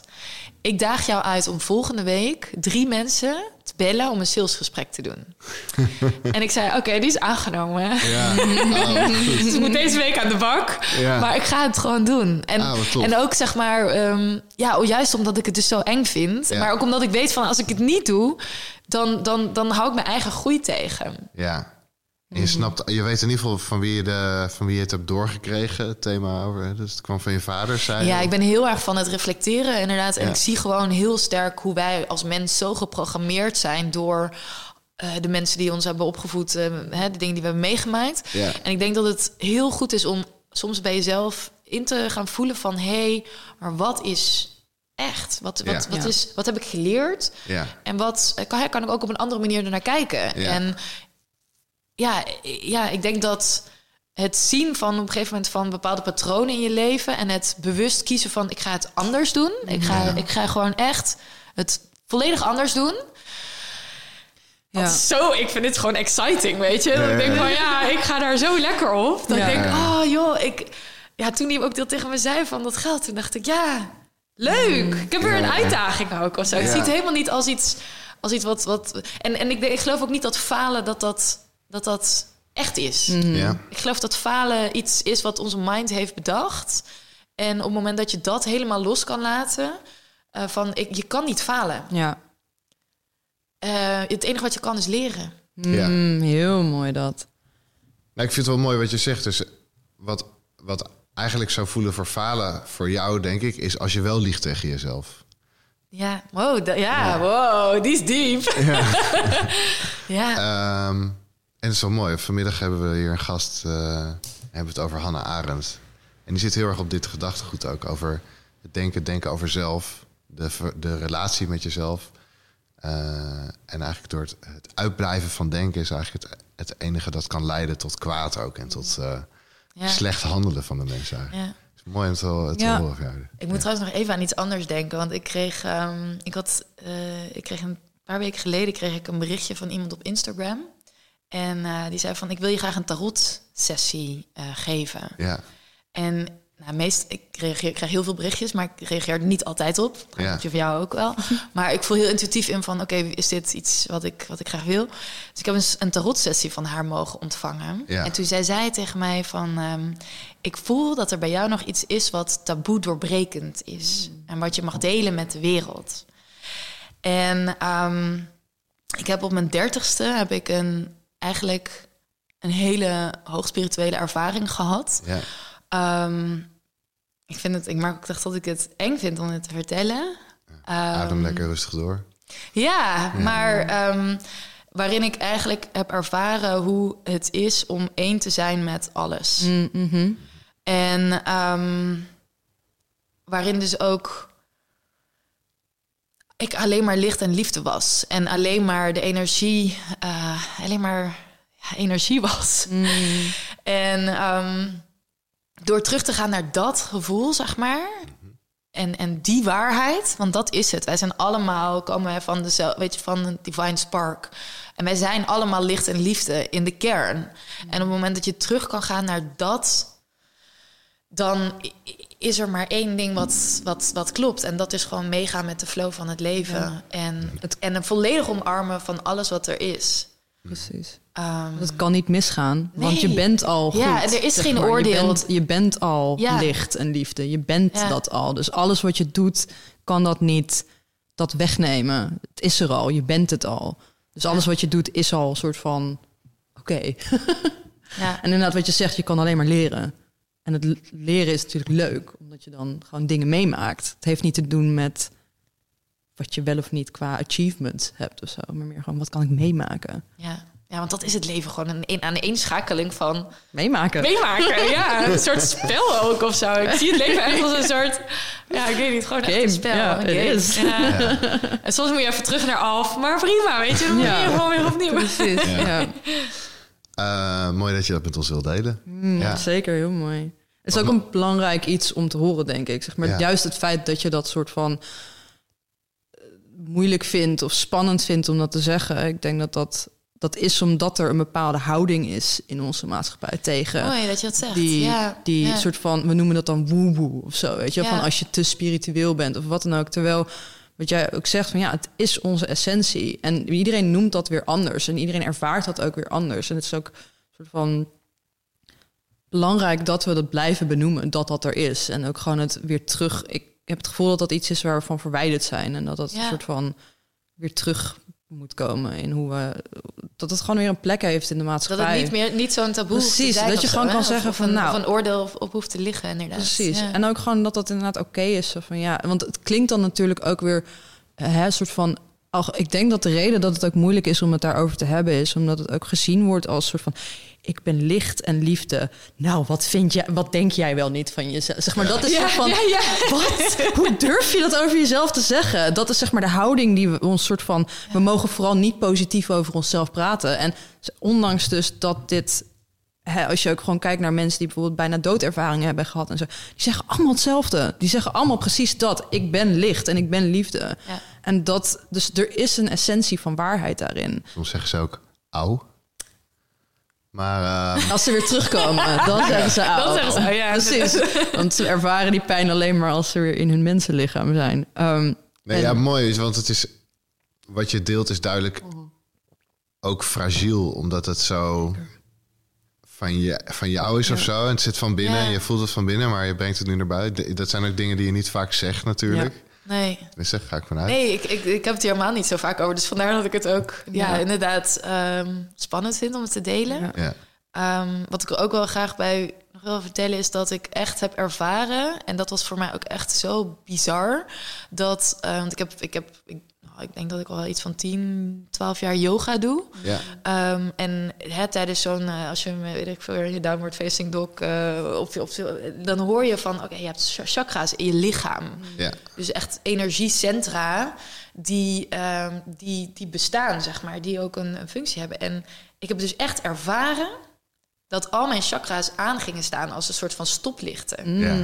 En, en gewoon dat die er dus zijn. En dat het dus echt belangrijk is ook om, om ons als mens uh, ervan bewust te zijn van... hé, hey, welke chakra's staan nou niet open en welke wel? En door daarmee te gaan werken en daarmee, zeg maar... Um, ja, daar die steeds meer open te zetten... ga je dus ook steeds meer vanuit die kern leven. Ja. En um, dat is ook iets, want kijk, ik heb, ik heb zo'n... Ja, ik noem het dan hoogspirituele ervaring gehad. Ja. Um, maar het is niet zo alsof ik in het dagelijks leven als een soort uh, Jezus zou over water lopen of zo. Of een zen, zen-monnik een of andere god zit die, die, die fulltime uh, in, die, in die staat leeft. Ja. Maar het is wel iets waar je, waar je naar, naartoe terug kan gaan door het werk te doen Ja. hier op aarde. Namelijk door, ja, ik geloof dat, dat, er, dat er verschillende manieren zijn, maar ik vind fysiek be- eh, bewegen. ehm, hè, dus ik, ik merk soms bij mijn onderste chakra's dat dat dan ehm, een beetje een soort, soort, soort van dat er nog wel wat meer open kan staan.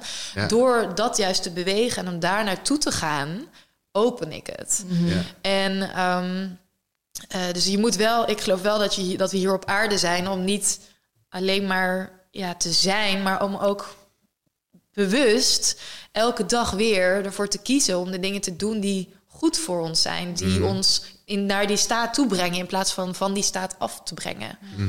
En ik denk dat eh, we leven in een maatschappij waarin we heel veel dingen doen. Hè, dr- alcohol, drugs, eh, roken, seks, Binge-watchen. binge-watchen, whatever. Iedereen heeft wel verslavingen tegenwoordig. En ik denk dat je bewust worden van wat voor verslavingen heb ik... en wat zijn gedragingen die ik doe... Ehm, en en ehm, hoe kan ik die zo omturnen dat ik het van iets is wat dus hè, mijn energie kost... naar wat levert het me op qua energie... Ja. Eh, dat, dat daar naartoe gaan, dat dat de kern is van... ehm, ja, wat, wat, in ieder geval wat ik voel dat ik hier op aarde te doen heb. Ja, ja. Heel mooi. Ja, ja super mooi. Ik, ik heb dan ook altijd nog de vraag: en, ah ja, en, en, en waartoe dan? Dus dat hebben we te doen en dan waartoe? Wat is het? Heb je een soort van. Heb je daar ook een idee over? Denk je daar ook over? Leuk. Ehm, nou, ja, ik, ik weet nog dat ik een jaartje of twaalf was. En toen vroeg ik aan mijn tante van... Tante, en zij is heel spirituele, wijze vrouw ook. Ja, En zij zei tegen mij van... eh, ik zei van, tante, waarom zijn wij hier op aarde? ja, En ik weet nog dat zij zei: We zijn hier op aarde om de mensen om ons heen een beetje gelukkiger te maken. Ja. En om de wereld een beetje mooier te maken. En ik geloof gewoon dat, we daarom, dat ik daarom hier op aarde ben. ja, Om de mensen om me heen gewoon een beetje gelukkiger te maken. En, en de wereld een beetje mooier. En ik, ik geloof dat ik dat kan doen als ik zelf helemaal vervuld ben. En als ik zelf helemaal ja, leef vanuit dus die waarheid, dan heb ik de meeste kans Ja. om dus ook mensen te bereiken. En om, om, dan vloeit mijn energie over. En dan heb ik genoeg en dan kan ik het delen. En dan ehm, Dus de energieoverdracht. is de energieoverdracht, ja, inderdaad. En, en, en ik denk dat het daartoe leidt. Ja. En als je het hebt nog over reïncarnatie of dingen, of hè, ik, dat dat ook in, als je daarin gelooft, zeg maar, dat, dat, dat het dat proces eh, kan bevorderen. En het is ook, oh, zeg maar, om dan weer heel veel terug te leiden naar eten, zeg maar, want dat is waar we het eerder ook over hadden, over dus ehm, hoe je iets doet, is veel belangrijker dan wat je precies doet. En ik denk dat dat, ehm, dat datzelfde idee is van als jij inderdaad vanuit een staat van ik voel me al goed en ik voel, ik, voel me verbonden met mezelf en met dus het grotere, grotere alles, zeg maar, het grotere zelf. Ehm, eh, dat je dan. Het is veel makkelijker om dan inderdaad de mensen om je heen om dat te voelen, omdat het al er al is, in plaats van dat je gaat zeggen tegen mensen zonder dat je het zelf voelt. Van je moet je meer verbonden voelen, oké? Je moet even dat je het weet, je moet meer verbonden voelen, met, zeg maar in plaats van dat doen, zeg maar, van want dan ga je gelukkiger zijn. En dan in plaats daarvan gaan van dat je het Het dat je het zelf al bent. Want dan hoef je het niet te vertellen aan mensen. Dan Ja. geef je het over op een manier die veel meer in, indruk maakt dan, hoe zeg je dat, impact heeft Ja. op, op, op mensen hun gedrag, zeg maar. Want ga maar mensen vertellen wat ze moeten doen wat goed voor ze is. Dat, not- Dat gaat- nee. gaat nooit Nee. gebeuren. Maar als mensen het zien en voelen, en zien en voelen zijn veel belangrijker in hoe we dingen leren. En eh, ja, dus ik denk dat zeg maar, Ja. dat idee van energie overdragen ehm, ja, het veel beter gaat als je kijkt naar hoe je iets doet. En, Ja. en ehm, dat was mijn punt. Mooi, ja, mooi dat je het, ja, dat je dat zegt en het energie overdragen. Ik, eh, het is ook, ik, ik, ik ben echt de laatste persoon die zegt tegen mensen van, jij moet dit zo doen. Of, en ik heb ook helemaal geen oordeel over andere mensen of over hoe zij, als zij andere keuzes maken, weet je, want dat is het, het, het leven ook. Het is licht en donker, het is Precies. zwart en wit. En, het is, en ik heb enkel impact op wat ik zelf doe. Ja, En ik heb, ik, ik geloof me, ik heb het in mijn leven dingen geprobeerd te veranderen, vriendjes geprobeerd te veranderen. we doen het allemaal. Die heb ik opgegeven hoor, dat ga ik echt niet meer doen. Ja. Nee, maar zeg maar, het is een beetje het verschil tussen eh, wat vaak dan met je in, in, in eh, georganiseerde religies vaak is gebeurd. Zijn- is very prescriptive. Want dit is wat je moet doen om een goed leven te hebben en om een goed mens te zijn. Terwijl vaak dan het voorbeeld wat mensen krijgen, de energie niet wordt overgedragen. Zeg maar. Het is vaak een, een priester die dan iets voorleest uit een boekje. En Ja, dat, zeg maar, dat is heel leuk en zo. Maar ja, zeg maar, een, een, een Dalai Lama die naast je gaat zitten en gewoon niks tegen je zegt, maar gewoon die in zijn zen, zen, ja. is. Ja. Dat maakt veel meer indruk vaak op mensen dan zeg maar dat ze naar een, een preek van een anderhalf uur hebben zitten luisteren. Ja. Dus ik denk dat we moeten stoppen met de podcast.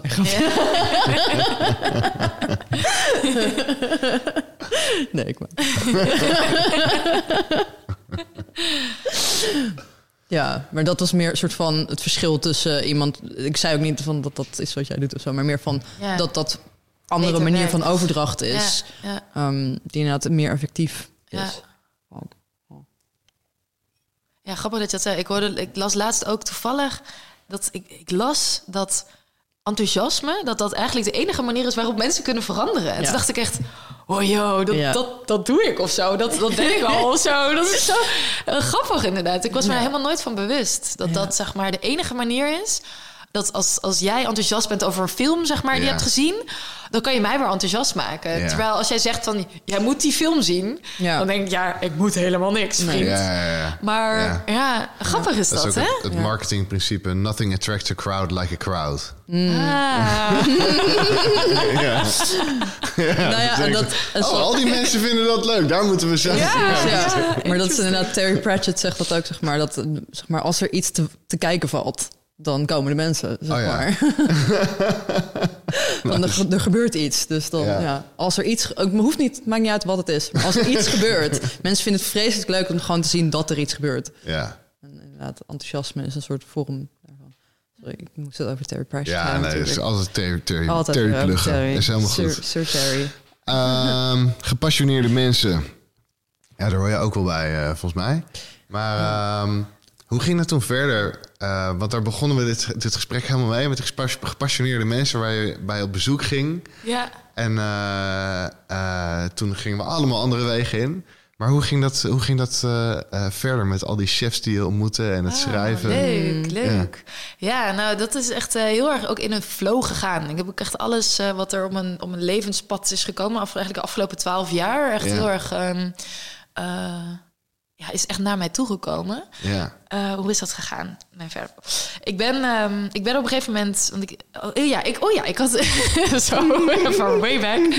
Ehm, nou, ik was dus naar die, naar die Italiaanse chef gegaan. Maar ik was ook nog naar een, ehm, eh, een slager gegaan. Waar ik een half varken ging uitbenen. En Ja. eh, helemaal tof. En, en ik, op een gegeven moment had ik dus mijn baan opgezegd. En toen ben ik. Eh, ben ik, eh, had ik dus bedacht van, nou, ik ga dus schrijven over eten. En toen ben ik bij het tijdschrift van Jamie Oliver eh, in eerste instantie beland. Heel random ook. Maar dat je echt denkt van, oké, het universum gaf me net op dat moment precies de juiste persoon die tegen mij zei van, oh, is dat niet leuk om voor Jimmy Magazine te schrijven? en toen, nou ja, mocht ik daarvoor schrijven, fantastisch.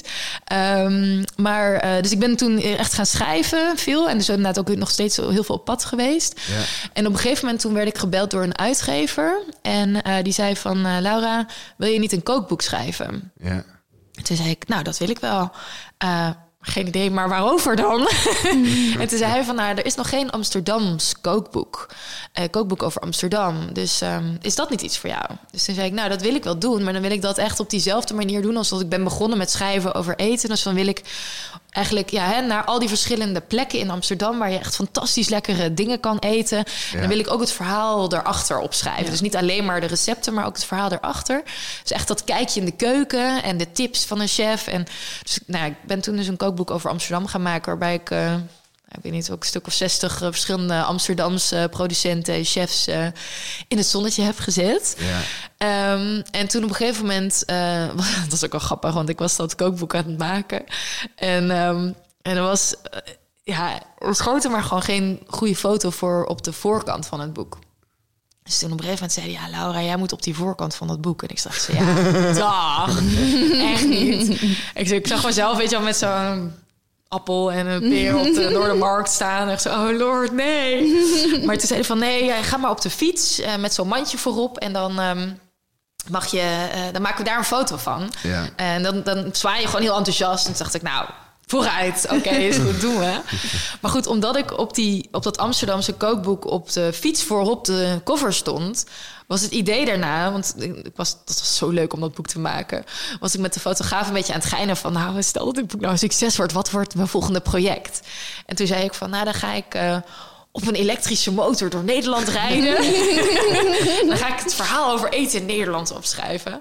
Dus, uh, maar goed, het grappige was dat, dus dat, dat Amsterdamse kookboek, dat het echt werd een mega succes. Ik kwam echt op een gegeven moment echt in boekhandels, echt hele etalage vol met posters en wow. stapels. En yeah. dat was zo, het werd zo tof ontvangen dat ik dus, nou ja, die wou van, oké, okay, ik moet. Um, of ik ga, dat, ik ga een boek over eten in Nederland maken.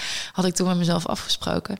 Maar dat is ook zoiets. Toen, toen had ik zoiets van, ja, oké, okay, ik wil dat dus doen. Uh, een elektrische motor. Maar die elektrische motoren zijn 20.000 euro of zo. Ja. En ik had dat geld helemaal niet. Ja. Dus ik zo, ja, oké. Okay. Um, maar ik ben ook, ik ben boeddhist. Uh, dus ik ben op een gegeven moment gaan chanten. En dat was in de periode dat ik boeddhist werd. Dan yeah. ging chanten voor de dingen die ik graag wilde. En ik ging op een gegeven moment chanten voor een elektrische motor. Want dat mocht, zeg maar. Ik mocht voor alles chanten. Dus ja, ook voor een Dus ik ben gaan chanten. En ik was letterlijk een week, denk ik, bezig met chanten. Ik was, ik was één vriend van mij tegengekomen, die had een elektrische foodtruck. En daarmee ging die klimaatmars in Friesland reizen, rijden, ja. of, uh, ging die doen. En die zei ik van, oh ja, ik zoek een elektrische motor eigenlijk, een soort sponsor of zo. En toen zei hij van, nou, ik kom maar voor je kijken. Dus na die week belde hij me op en zegt... Nou, ik sta hier op de klimaatmars met naast iemand die heeft een elektrische motor en die importeert die dingen. en die uh, wil jou wel sponsoren. wow. Is zo wow, yo. Yes. dus ik heb uiteindelijk twee jaar lang echt alle verschillende modellen. Dat was echt nog al vijf jaar geleden. Ik was denk de eerste die op zo'n elektrische motor door Nederland aan het reizen. Ja. Ik leek echt een soort, soort van alien. Dan stond ik weer bij het stoplicht en dan keken mensen me echt zo aan. Maar wat de fuck, waar rij jij op? Maar dan zoefde ik weer weg, super snel natuurlijk. Ja. Het was echt gek. En um, dus nou, toen heb ik dus ook uh, honderden boeren, producenten, chefs in Nederland uh, geïnterviewd. Ja. Maar het grappige was dat uh, toen ik dus die, dat grapje maakte over... dan ga ik op een elektrische motor door Nederland tegen die fotograaf... toen maakte hij daarop de grap van... oh, dan ga je daarna zeker met de trein door Europa en daarna zeker met de jetset de wereld rond. met de zeilboot. En uh, ja, dus ik zo van. Alright, klinkt wel, klinkt wel leuk of zo. Maar ik ben dus toen uiteindelijk ook gevraagd om een kookboek te maken over eten in Oostenrijk. En ja. toen dacht ik, nou, de trein, dat leek me niet zo'n goed idee. Jetset was ook niet meer zo duurzaam tegenwoordig. dus dacht ik, nou, ik ga gewoon lekker op die elektrische motor ook naar Oostenrijk. Ja. En, um, en Oostenrijk was voor mij ook echt te gek als het gaat om biologische landbouw lopen zij oh, ja. mega voorop. En ja. als het gaat om lokale voedselketens, zijn zij echt zo inspirerend. Maar voorop, is, dat klinkt alsof ze een soort van een inhaalslag hebben gemaakt. Maar is, of is het altijd zo gebleven? Of, of hoe, hoe, nou, hoe werkt dat? Nou, hebben, ze, hebben ze inderdaad afscheid genomen van, van veel monocultuur? Of zijn ze altijd meer... Volgens mij zijn ze altijd wel redelijk zo geweest, zeg Ja. maar. Ehm, maar nou, ik, weet, ik, ik weet niet precies hoe de afgelopen, weet ik veel, eh, honderd jaar precies die landbouw is, eh, is gegaan. Maar Ja. ik weet wel dat zij hebben wel ruim 25% biologische landbouw. Ah, ja. ten, ten opzichte van eh, hier in Nederland hebben we nu bijna 4%. Ja. dat is best wel een groot verschil. Ja. En, en ze hebben ook veel kleinere, maar dat komt natuurlijk ook, hè, omdat Oostenrijk is natuurlijk ook wel heel hoog gelegen. Dus je hebt heel veel ehm, eh, verschillen in eh, ja, hoogteverschillen, Ja. zeg maar. Waardoor Ja. ze ook niet die monoculturen, hè, die, die wij hier in ons platte Nederland eh, hebben ge, ge, Perfect landje voor monocultuur. Perfect land voor monocultuur. Ehm, maar ehm, eh, ja, dus, dus, dus ze hebben daar veel kleinere plotjes. Ze hebben ook echt, dat is wel heel, heel tof hoor. Want we hebben hier in Nederland ehm, bijvoorbeeld tulpenvelden. En als Ja. je het hebt over monocultuur, tulpenvelden, ja. dat is echt insane. Ja. Maar in Ook allemaal Oostenrijk... geëxporteerd trouwens. Dat is ook echt know, gewoon ja, en, ook schijnlijk helemaal niet duurzaam te zijn. Nee, eh, die totaal niet. Maar goed. dat terzijde. Dat maar in. Oostenrijk heb je bijvoorbeeld ehm eh, klaprozen. In, in, eh, in, met name in het noorden heb je allemaal, maar dat is echt te gek, joh. Dan heeft iedere boer heeft dan overal een hectare, en dan weer twee hectare, en dan weer drie hectare. En, dan weer, en dan overal door het landschap zie je allemaal klaprozenvelden. En die klaprozen, die, daar, daar oogsten ze dus aan het einde, als, als die bloemen helemaal zijn uitgedroogd, oogsten ze daar dus maanzaad uit. En van dat Mm, maanzaad ja. maken ze weer de meest fantastische gerechten. Ah, dus dat ja. ik echt, echt wel maanzaadkoeken heb gegeten daar. En ze bakken daar lokale vis in, in cool. Maanzaadskorst en, en schnitzel in maanzaad. En, Oh, wow. Maar dat is Wow. zo te gek, zeg maar, Ja. hoe ze dat dan weer verbouwen. Dus ik zie dat soort, ook, ook reizen en ook net dan zo'n zo'n zo'n andere cultuur in Oostenrijk als ontzettend eh, verrijkend voor, oh, zo kunnen we het ook doen inderdaad. Ja. hey, laten Ja. we eens kijken wat doen andere landen en waar zijn zij beter in op bepaalde gebieden en hoe kunnen wij dat hier in Nederland weer eh, implementeren in hoe wij de dingen doen. Ja. Eh, want ja, zo waar we het net ook over hadden, we zijn gewoon geprogrammeerd in programmaatjes. En als zodra we die programma's zien en zien van hé, hey, hoe kunnen we dat anders doen, ja. kunnen we daarop eh, daar heel veel winst mee behalen. Ja. Ja, ik denk altijd dat, dat mensen in principe gewoon doen waar ze kans toe zien. Hè? Dus in een, in een land als Nederland heb je natuurlijk... eh, we hebben altijd superveel handel gedreven. En inderdaad een vlak land. In Oostenrijk heb je weer het landlocked zo'n beetje voor mij. Helemaal, ja. Eh, helemaal geen zee. Ja, Veel bergen. Klopt. Veel moeilijker om te transporteren waarschijnlijk. ja Dus zo'n andere historie in hoe dingen zijn opgebouwd. klopt. Uh, dus ergens moet je gewoon eigenlijk het zo aantrekkelijk mogelijk maken voor mensen om het anders te doen. En uh, daar, dat vind ik altijd een soort van hele uitdagende gedachte. Dat zie je ook natuurlijk aan, aan alle boerenprotesten al jaren trouwens. Uh, van ja, hoe, hoe maak je het nou aantrekkelijk, weet je wel? Wat is het, wat is het businessmodel achter biologisch boeren? Hoe... Uh, uh, ja, wat zijn andere? Hè? Dus enthousiasme is nodig, inderdaad. dus anders dan ja. stikstofregulering. Maar hoe, hoe, hoe breng je aan het Ik heb, ik, weet je wel, heb je daar ideeën over? Wat, wat, hoe maak je het aantrekkelijk om dit uh, te doen voor mensen? Ja, ik denk dat boeren vooral weer heel leuk gevonden moet worden. In ja. plaats van inderdaad, hè, wat je zegt, dat er ligt zo'n negatieve lading bij boeren. Terwijl. Die doen het, gewoon hun werk. Ze doen gewoon hun werk. Maar en ik, ik, ja, nou, als je ook het in een wat bredere context kijkt, we zijn natuurlijk hè, na de Tweede Wereldoorlog ja. is ons credo geworden nooit meer honger. Ja. Dus we zijn heel veel, en ook met name, uh, we zijn gewoon heel veel gaan produceren. Ja. Op, op zo weinig mogelijk land. We zijn heel goed geworden in, waar jij het ook al eerder over had, om, om heel veel te halen van een klein stukje land. Um, en, maar die stukjes land zijn ook steeds groter geworden. Als je kijkt naar de gemiddelde boerderij, is is tegenwoordig, nou, ik weet niet precies hoeveel hectare, maar dat is echt wel 100 hectare meer dan in 2050 of in 1950. Ja, ja. Um, dus ik denk dat, we, dat er weer wat meer mensen enthousiast mag worden over om, om op een wat kleinere, om, om een wat kleinere manier te gaan boeren. Ja. Ja, en inderdaad daar wel een mooi businessmodel aan te hangen. Ja. Want we moeten wel ook allemaal leven. Ja. Um, maar het, het, is bewezen dat dat bestaat. Zeg maar. Ja. Dat er zijn uh, heel veel van dat soort plekken. Ja. Dus ik denk dat uh, helemaal ook als je zelf weer wat meer terug naar de natuur wil... Uh, dat, ja, ik denk biologisch boeren, dat, dat is gewoon een fantastisch beroep. Ja. Ja. ja, het is, ik denk ook, zeg maar, um, ik zat net, kwam net iets naar boven terwijl jullie aan het praten waren ze net. Maar dat idee van ehm, het feit dat je zeg maar head first een ravijn in durft te duiken, dat doe je omdat je jezelf vertrouwt. En zeg maar omdat je weet van oké, ook als ik dit probeer, dan komt het alsnog goed. En eh, zeg maar, ehm, ik heb ook een beetje het gevoel dat die dat dat ook komt omdat je jezelf kent, zeg maar. En bear with me now. en zeg maar, ik denk dus dat op het moment dat je jezelf kent, dat je weet wat allemaal mogelijk is, ook. En dus ook als je weet wat de consequenties zijn van als je het niet doet. Um, ik denk dat als we dat toepassen op hoe we met landbouw omgaan en zo. Want wij als land, zeg maar, we zijn, ik denk dat we ook een beetje zijn vergeten wat, wie we zijn.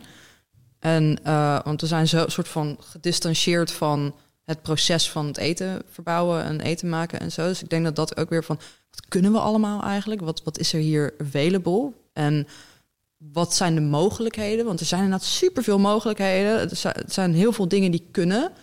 En, en dus dat zelfvertrouwen van en als we dat gaan proberen, gaat het goed komen. Omdat we, omdat we dit kunnen. Ja. En um, ik denk dat dat, zeg maar, ik probeer een beetje van die mentaliteit ja, om daarop toe te passen. Ja. Van wat, is er, wat zou er nodig zijn inderdaad om, om. Nou, ik denk dat er, kijk, er zijn twee kanten van het spectrum. Aan de ene kant zit angst en aan de andere kant zit vertrouwen. Mm.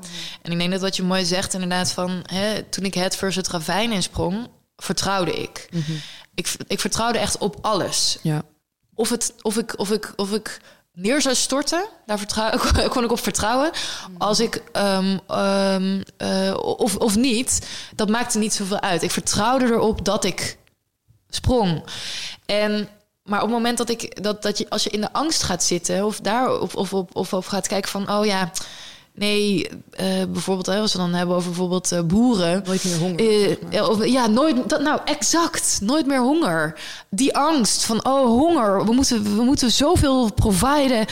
Als we weer in het vertrouwen gaan leven dat de aarde ons precies kan geven wat we nodig hebben. En als we daar met respect mee omgaan. Als we niks meer weggooien. Als we, weet je, die dieren gewoon een goed welzijn geven. Als we de grond goed behandelen. Dat we daarop mogen vertrouwen. Dat we dan voldoende voedsel krijgen dat dan alle problemen op, opgelost worden. En ook dat we dan op die manier, zeg maar, niet de hele aarde leegtrekken en moeten verhuizen naar een andere planeet. Zeg maar. ja. Want dat is ook. Ja, daar zijn we ook heel goed in geworden. Precies. inderdaad. Ja, zo van kolonialiseren. Ja, en zo van het idee van ja, nou ja, we hebben deze aarde dus nu een soort van uh, die opgemaakt. dus op naar de volgende, zeg maar. Ja, sorry, maar blijf van mijn maan af, zeg maar. Ik, Dat is gewoon, dat is de grote catastrofe die er zou kunnen gebeuren, zoals mensen aan de maan gaan zitten, zeg maar. Ik, dat moet gewoon echt niet gebeuren. Ja. Um, en Mars ook niet, vind ik trouwens. Mars mag ook gewoon... maar gewoon en Uranus en Precies, alles. Zeg maar, blijf van mijn planeten af, oké? het is al fucking moeilijk genoeg. zijn ook een stuk minder vruchtbaar nog dan de aarde. Precies, precies. Maar zeg maar... Dus ik heb nog nooit inderdaad uh, ja. arbeid zien groeien. Precies, maar ook gewoon het idee van... waarom, waarom geloof... waarom vertrouwen we er niet op... dat de natuur supergoed is in blijven leven? Ja. Dat zeg maar, als wij allemaal dood zijn... dan is de natuur er nog steeds. Ja. daar kan je van uitgaan. Dat, dat is een garantie. Ja. En, en, en dat zeg maar idee van... oké, waarom vertrouwen we dan op onszelf... en niet meer in de natuur? Waarom gaan we niet daar kijken van wat, wat we kunnen leren... van die extreme resilience of nature? En gewoon de, de enthousiasme van de natuur om te doen wat ze doet. Gewoon om te leven. En zeg maar alles wat je, wat je om je heen ziet... Is, heeft een enthousiasme voor het leven bacteriën bijvoorbeeld. Like, look how fucking amazing bacteria are.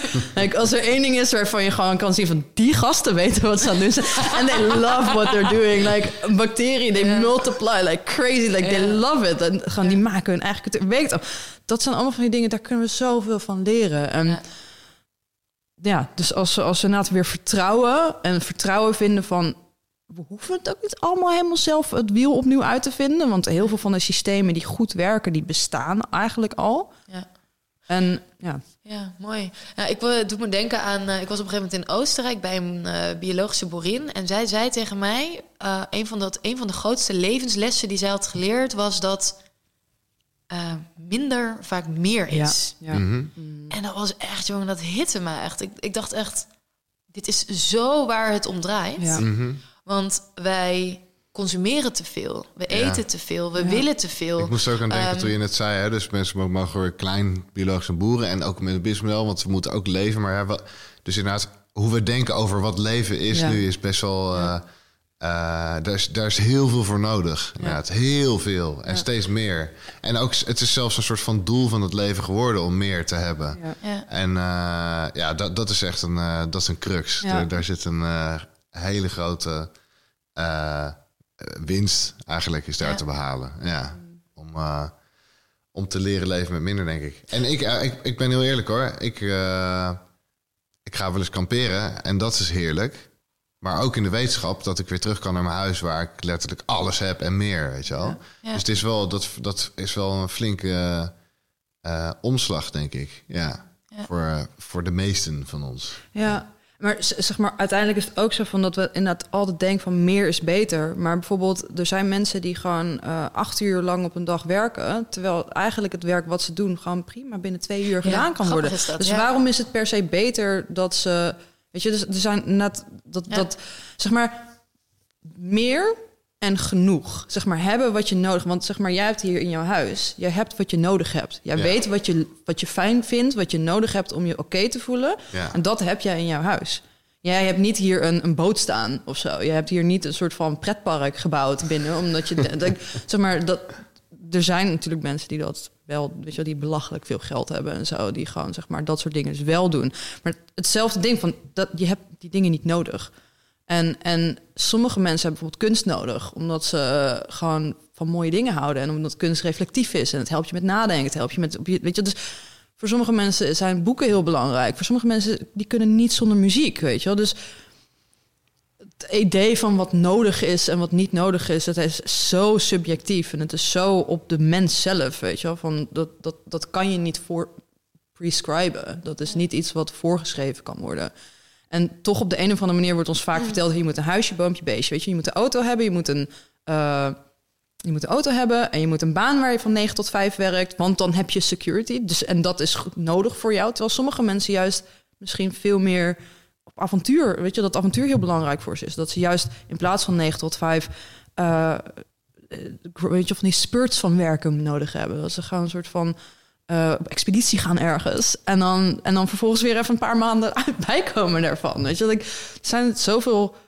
Ja, het is dat biodiversiteit uiteindelijk gewoon weer. Van, we zijn een monocultuur geworden. En we zijn, we zijn heel Nou, erg... ik, denk dat, ik denk dat de mens met name ook ehm, heel erg aan zichzelf is gaan denken. En niet zozeer aan de omgeving, zeg maar. Ik denk dat we weer wat meer... Je hebt in het, ehm, in het Japans, eh, heb je zo'n... eh, of in het boeddhisme, zeg maar, zit, zit een begrip dat heet Eshofuni. En dat houdt eigenlijk in dat jouw innerlijke en uiter, de innerlijke en uiterlijke wereld zijn één. Ja, En, as within, so without. ja, As above, so below. ja, dus ik denk wel dat, eh, dat het belangrijk is om ons weer wat meer bewust te worden van de keuzes die wij voor onze innerlijke wereld maken. Wat voor effect heeft dat op onze uiterlijke wereld? En hoe kunnen we ervoor zorgen dat die weer organisch zijn? Want ja, fact is, als we om ons heen kijken, het gaat niet goed met Ja. de wereld. We zijn over al die planetaire grenzen aan het gaan en dat is gewoon niet houdbaar, zeg maar. En we willen ook voor onze, voor onze kleinkinderen dat het, dat het op een andere manier... eh, in ieder geval, ik, Ja. ik, heb, ik heb geen kinderen, maar voor mijn weefjes, weet je, ik wil gewoon Ja. dat, dat, dat, dat, dat, dat, eh, dat dat blijft. Ja, en Ehm. ik zou daaraan willen toevoegen. Ik, ik eh, wil het voor de, de, de kinderen van mijn broer dan bijvoorbeeld. En, eh, en hun kinderen misschien. Maar ook voor, eh, voor alle kinderen van alle aapjes. En van alle koeien Ja, en, en ja. kippen en, en, en vogels. En, en alle kinderen van bomen die... eh, eh, of telgjes van bomen die over Bijen. 300 jaar nog steeds een hele mooie boom kunnen zijn. Ja.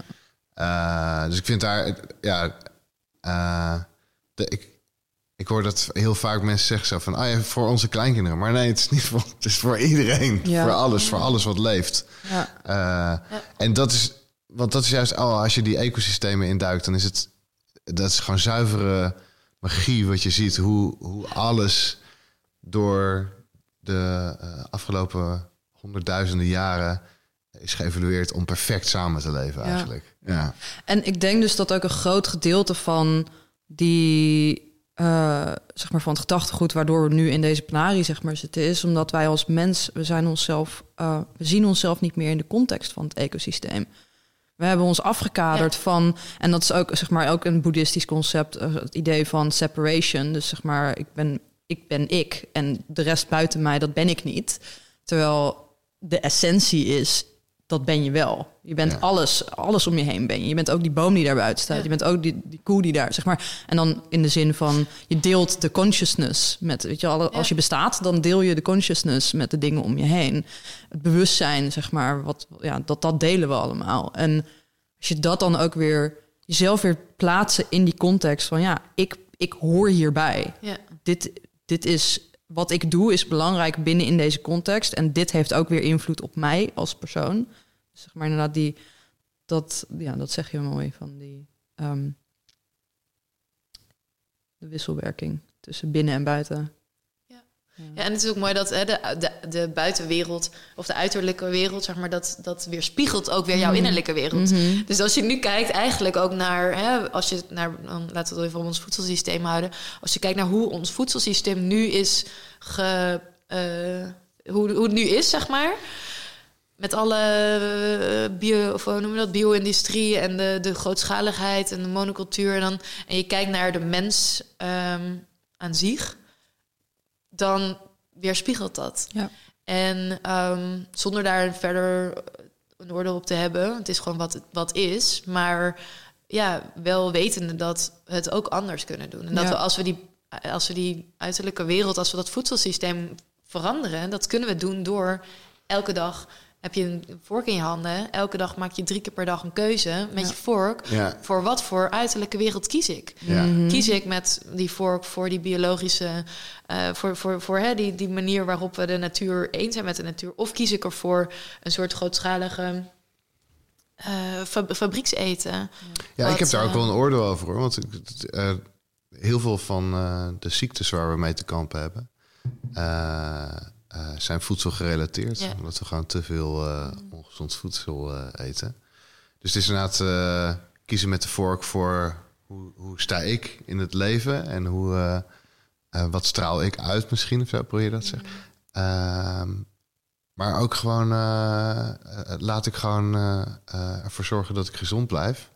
En daarmee veel ellende gewoon bespaard blijven. Weet je wel? Gewoon, dat is heel, het is Ja. heel, heel basic eigenlijk. Ja. Ja. Nou, jij had het net eerder ook over die, hè, die eh, geel eh, gespoten velden, zeg maar. Dat is met glyfosaat. Daar is nu heel veel om te doen. Eh, dat is, ehm, eh, wordt ook heel in verband gebracht met ehm, eh, Parkinson en met kanker. Nou ja. Dus ook dat Ja. dus niet-biologische landbouw, die chemicaliën en pesticiden en bestrijdingsmiddelen en alles, dat is niet alleen slecht voor de natuur. Het is ook slecht voor de gezondheid van de mens. Ja. En eh, er, je hebt per eh, product heb je dan een soort van toegeschreven hoeveelheid ge- eh, wat erop mag zitten. Ja. Maar op het moment dat je dus heel veel verschillende producten gaat eten, waar allemaal wat op zit, krijg je een soort cocktail van, eh, van, van, van Ja. slechte dingen die je tot je neemt. Waardoor je dus inderdaad, het heeft ook effect op, op onze eigen gezondheid. Ehm, en ehm, ja, het is zo interessant. Ja. Het voelt ook een klein beetje als een soort van. eh, dit klinkt misschien judgmental of zo, maar het, ik, ja, zeg maar meer gewoon om een soort van. Voor mij, hoe, hoe het voor mij een beetje voelt, is dat we zeg maar de, de soort van samenleving die we hebben op dit moment. Het voelt een beetje als een soort van een junkie die zeg maar een soort van. Ja, zeg maar, een soort van denkt van, oh, dit heb ik nodig om, om me goed te voelen. En die zit soort van een beetje in een soort van delusional kutwereld en zo. Terwijl, like, out there, like, it's fucking great. En het enige wat je hoeft te doen is even gewoon geloven in dat je dit kan. Like, je, je kan dit, weet je wel? Zeg maar van... There's such great things out there. Het kan zoveel beter. Je kan het zoveel beter hebben. Ja. En dat die... die eh, die dingen waarvan je denkt dat jij eh, het goed hebt, zeg maar. Dus die delusion van, oh, ik, ik weet je wel, ik, ik, ik, krijg mijn voedingsstoffen binnen en het is oké. En ik ga thuis, weet je wel, gewoon thuis lekker met je eh, eh, microwave eh, en dan gewoon een afval of een afvaldingetje of weet ik veel. En dat dan gewoon eten, zodat ik de volgende dag door kan komen. Je kan het zoveel beter hebben. En je bent het ook zoveel waard. En dat is zeg maar waarom ik een junkie zeg maar gebruik, is omdat die vaak niet geloven dat, ze, dat het anders kan. Ja. En ze geloven niet dat ze het waard zijn. Ja. En dat heb ik ook zoiets van, like, wat doen we? Waarom doen we dit? Zijn we niet meer waard dan dit? Zijn we niet, hebben we niet wat meer respect voor onszelf? Ja. En, Heel ja. mooi gezegd. Ja. Ik moet denken ook aan. ehm, je hebt zo'n eh, verhaal over. Volgens mij is het de God van Plato. Of in ieder geval. Het, het, het, het, het, ehm, het gaat eigenlijk over dat. Heel veel mensen die zitten in hun eigen gevangenis. Mhm. En de deur die staat wagenwijd Ja. open. Maar eh, ze lopen niet naar buiten uit Mhm. angst. Ja. Ja. En op het moment zeg maar, dat je dus die grot uitloopt... of die gevangenis uitloopt... of waar dan ook, waar je ook in zit... en dus hè, ook uit je schulp komt...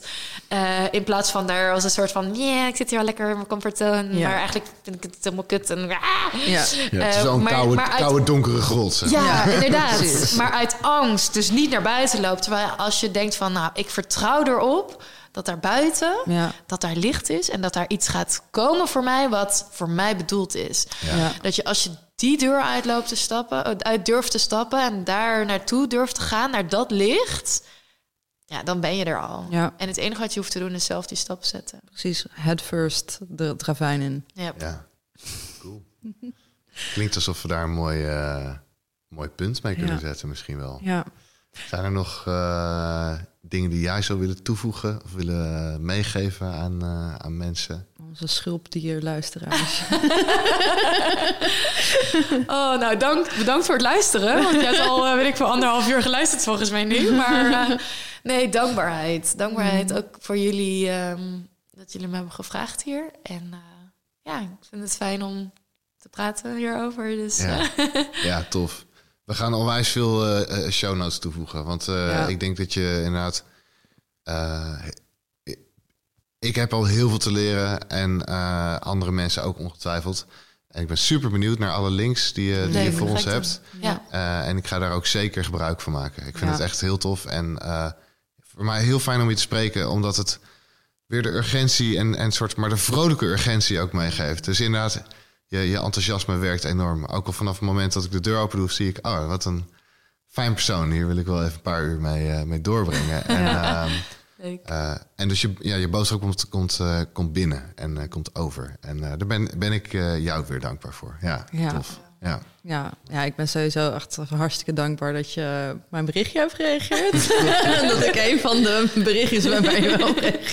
Ja, en gewoon, dit is een heel, voor mij is dit een heel belangrijk onderwerp. En ik denk dat, zeg maar, ik, ik denk vaak ook na over wat, zeg maar, mijn levenswerk is en zo. En ik denk dat voor mij eten en hoe we dus met, met eh, voeding omgaan. En dus eigenlijk, zeg maar, hoe dus we met zelfzorg en zo omgaan dat dat voor mij zeg maar de meest belangrijke, meest belangrijke ding in mijn leven is. Wat ik waar ik aan kan bijdragen, zeg maar. Dus en, en dat is ook een wereld waar ik gewoon aan wil bijdragen, waarin we het allemaal goed hebben. Dus ook waarin de mieren het ook goed hebben en waarin de bomen het ook goed hebben. En de bij, vooral de bijen. Gewoon de bijen need to be saved. Dat ik weet niet. Ja, maar gewoon en, en dus voor mij is het gewoon. Ik, ja, ik ben heel dankbaar dat je hier dit met. Ik, ik ben ten eerste dankbaar dat je doet wat je doet. Dat je er bent. Dat je doet wat je doet. Dat ik leef. Dat je, nee, ja, ja, ik denk dat zeker wel. Ja, ik denk dat het gewoon echt wel een soort van belangrijk is dat er mensen zijn zoals jij die jouw licht en enthousiasme gebruiken om, eh, om, om de wereld beter te maken. Weet je, die het voor andere mensen een beetje beter maken en de wereld een beetje beter maken. En dus ik ben heel blij dat je dat doet. En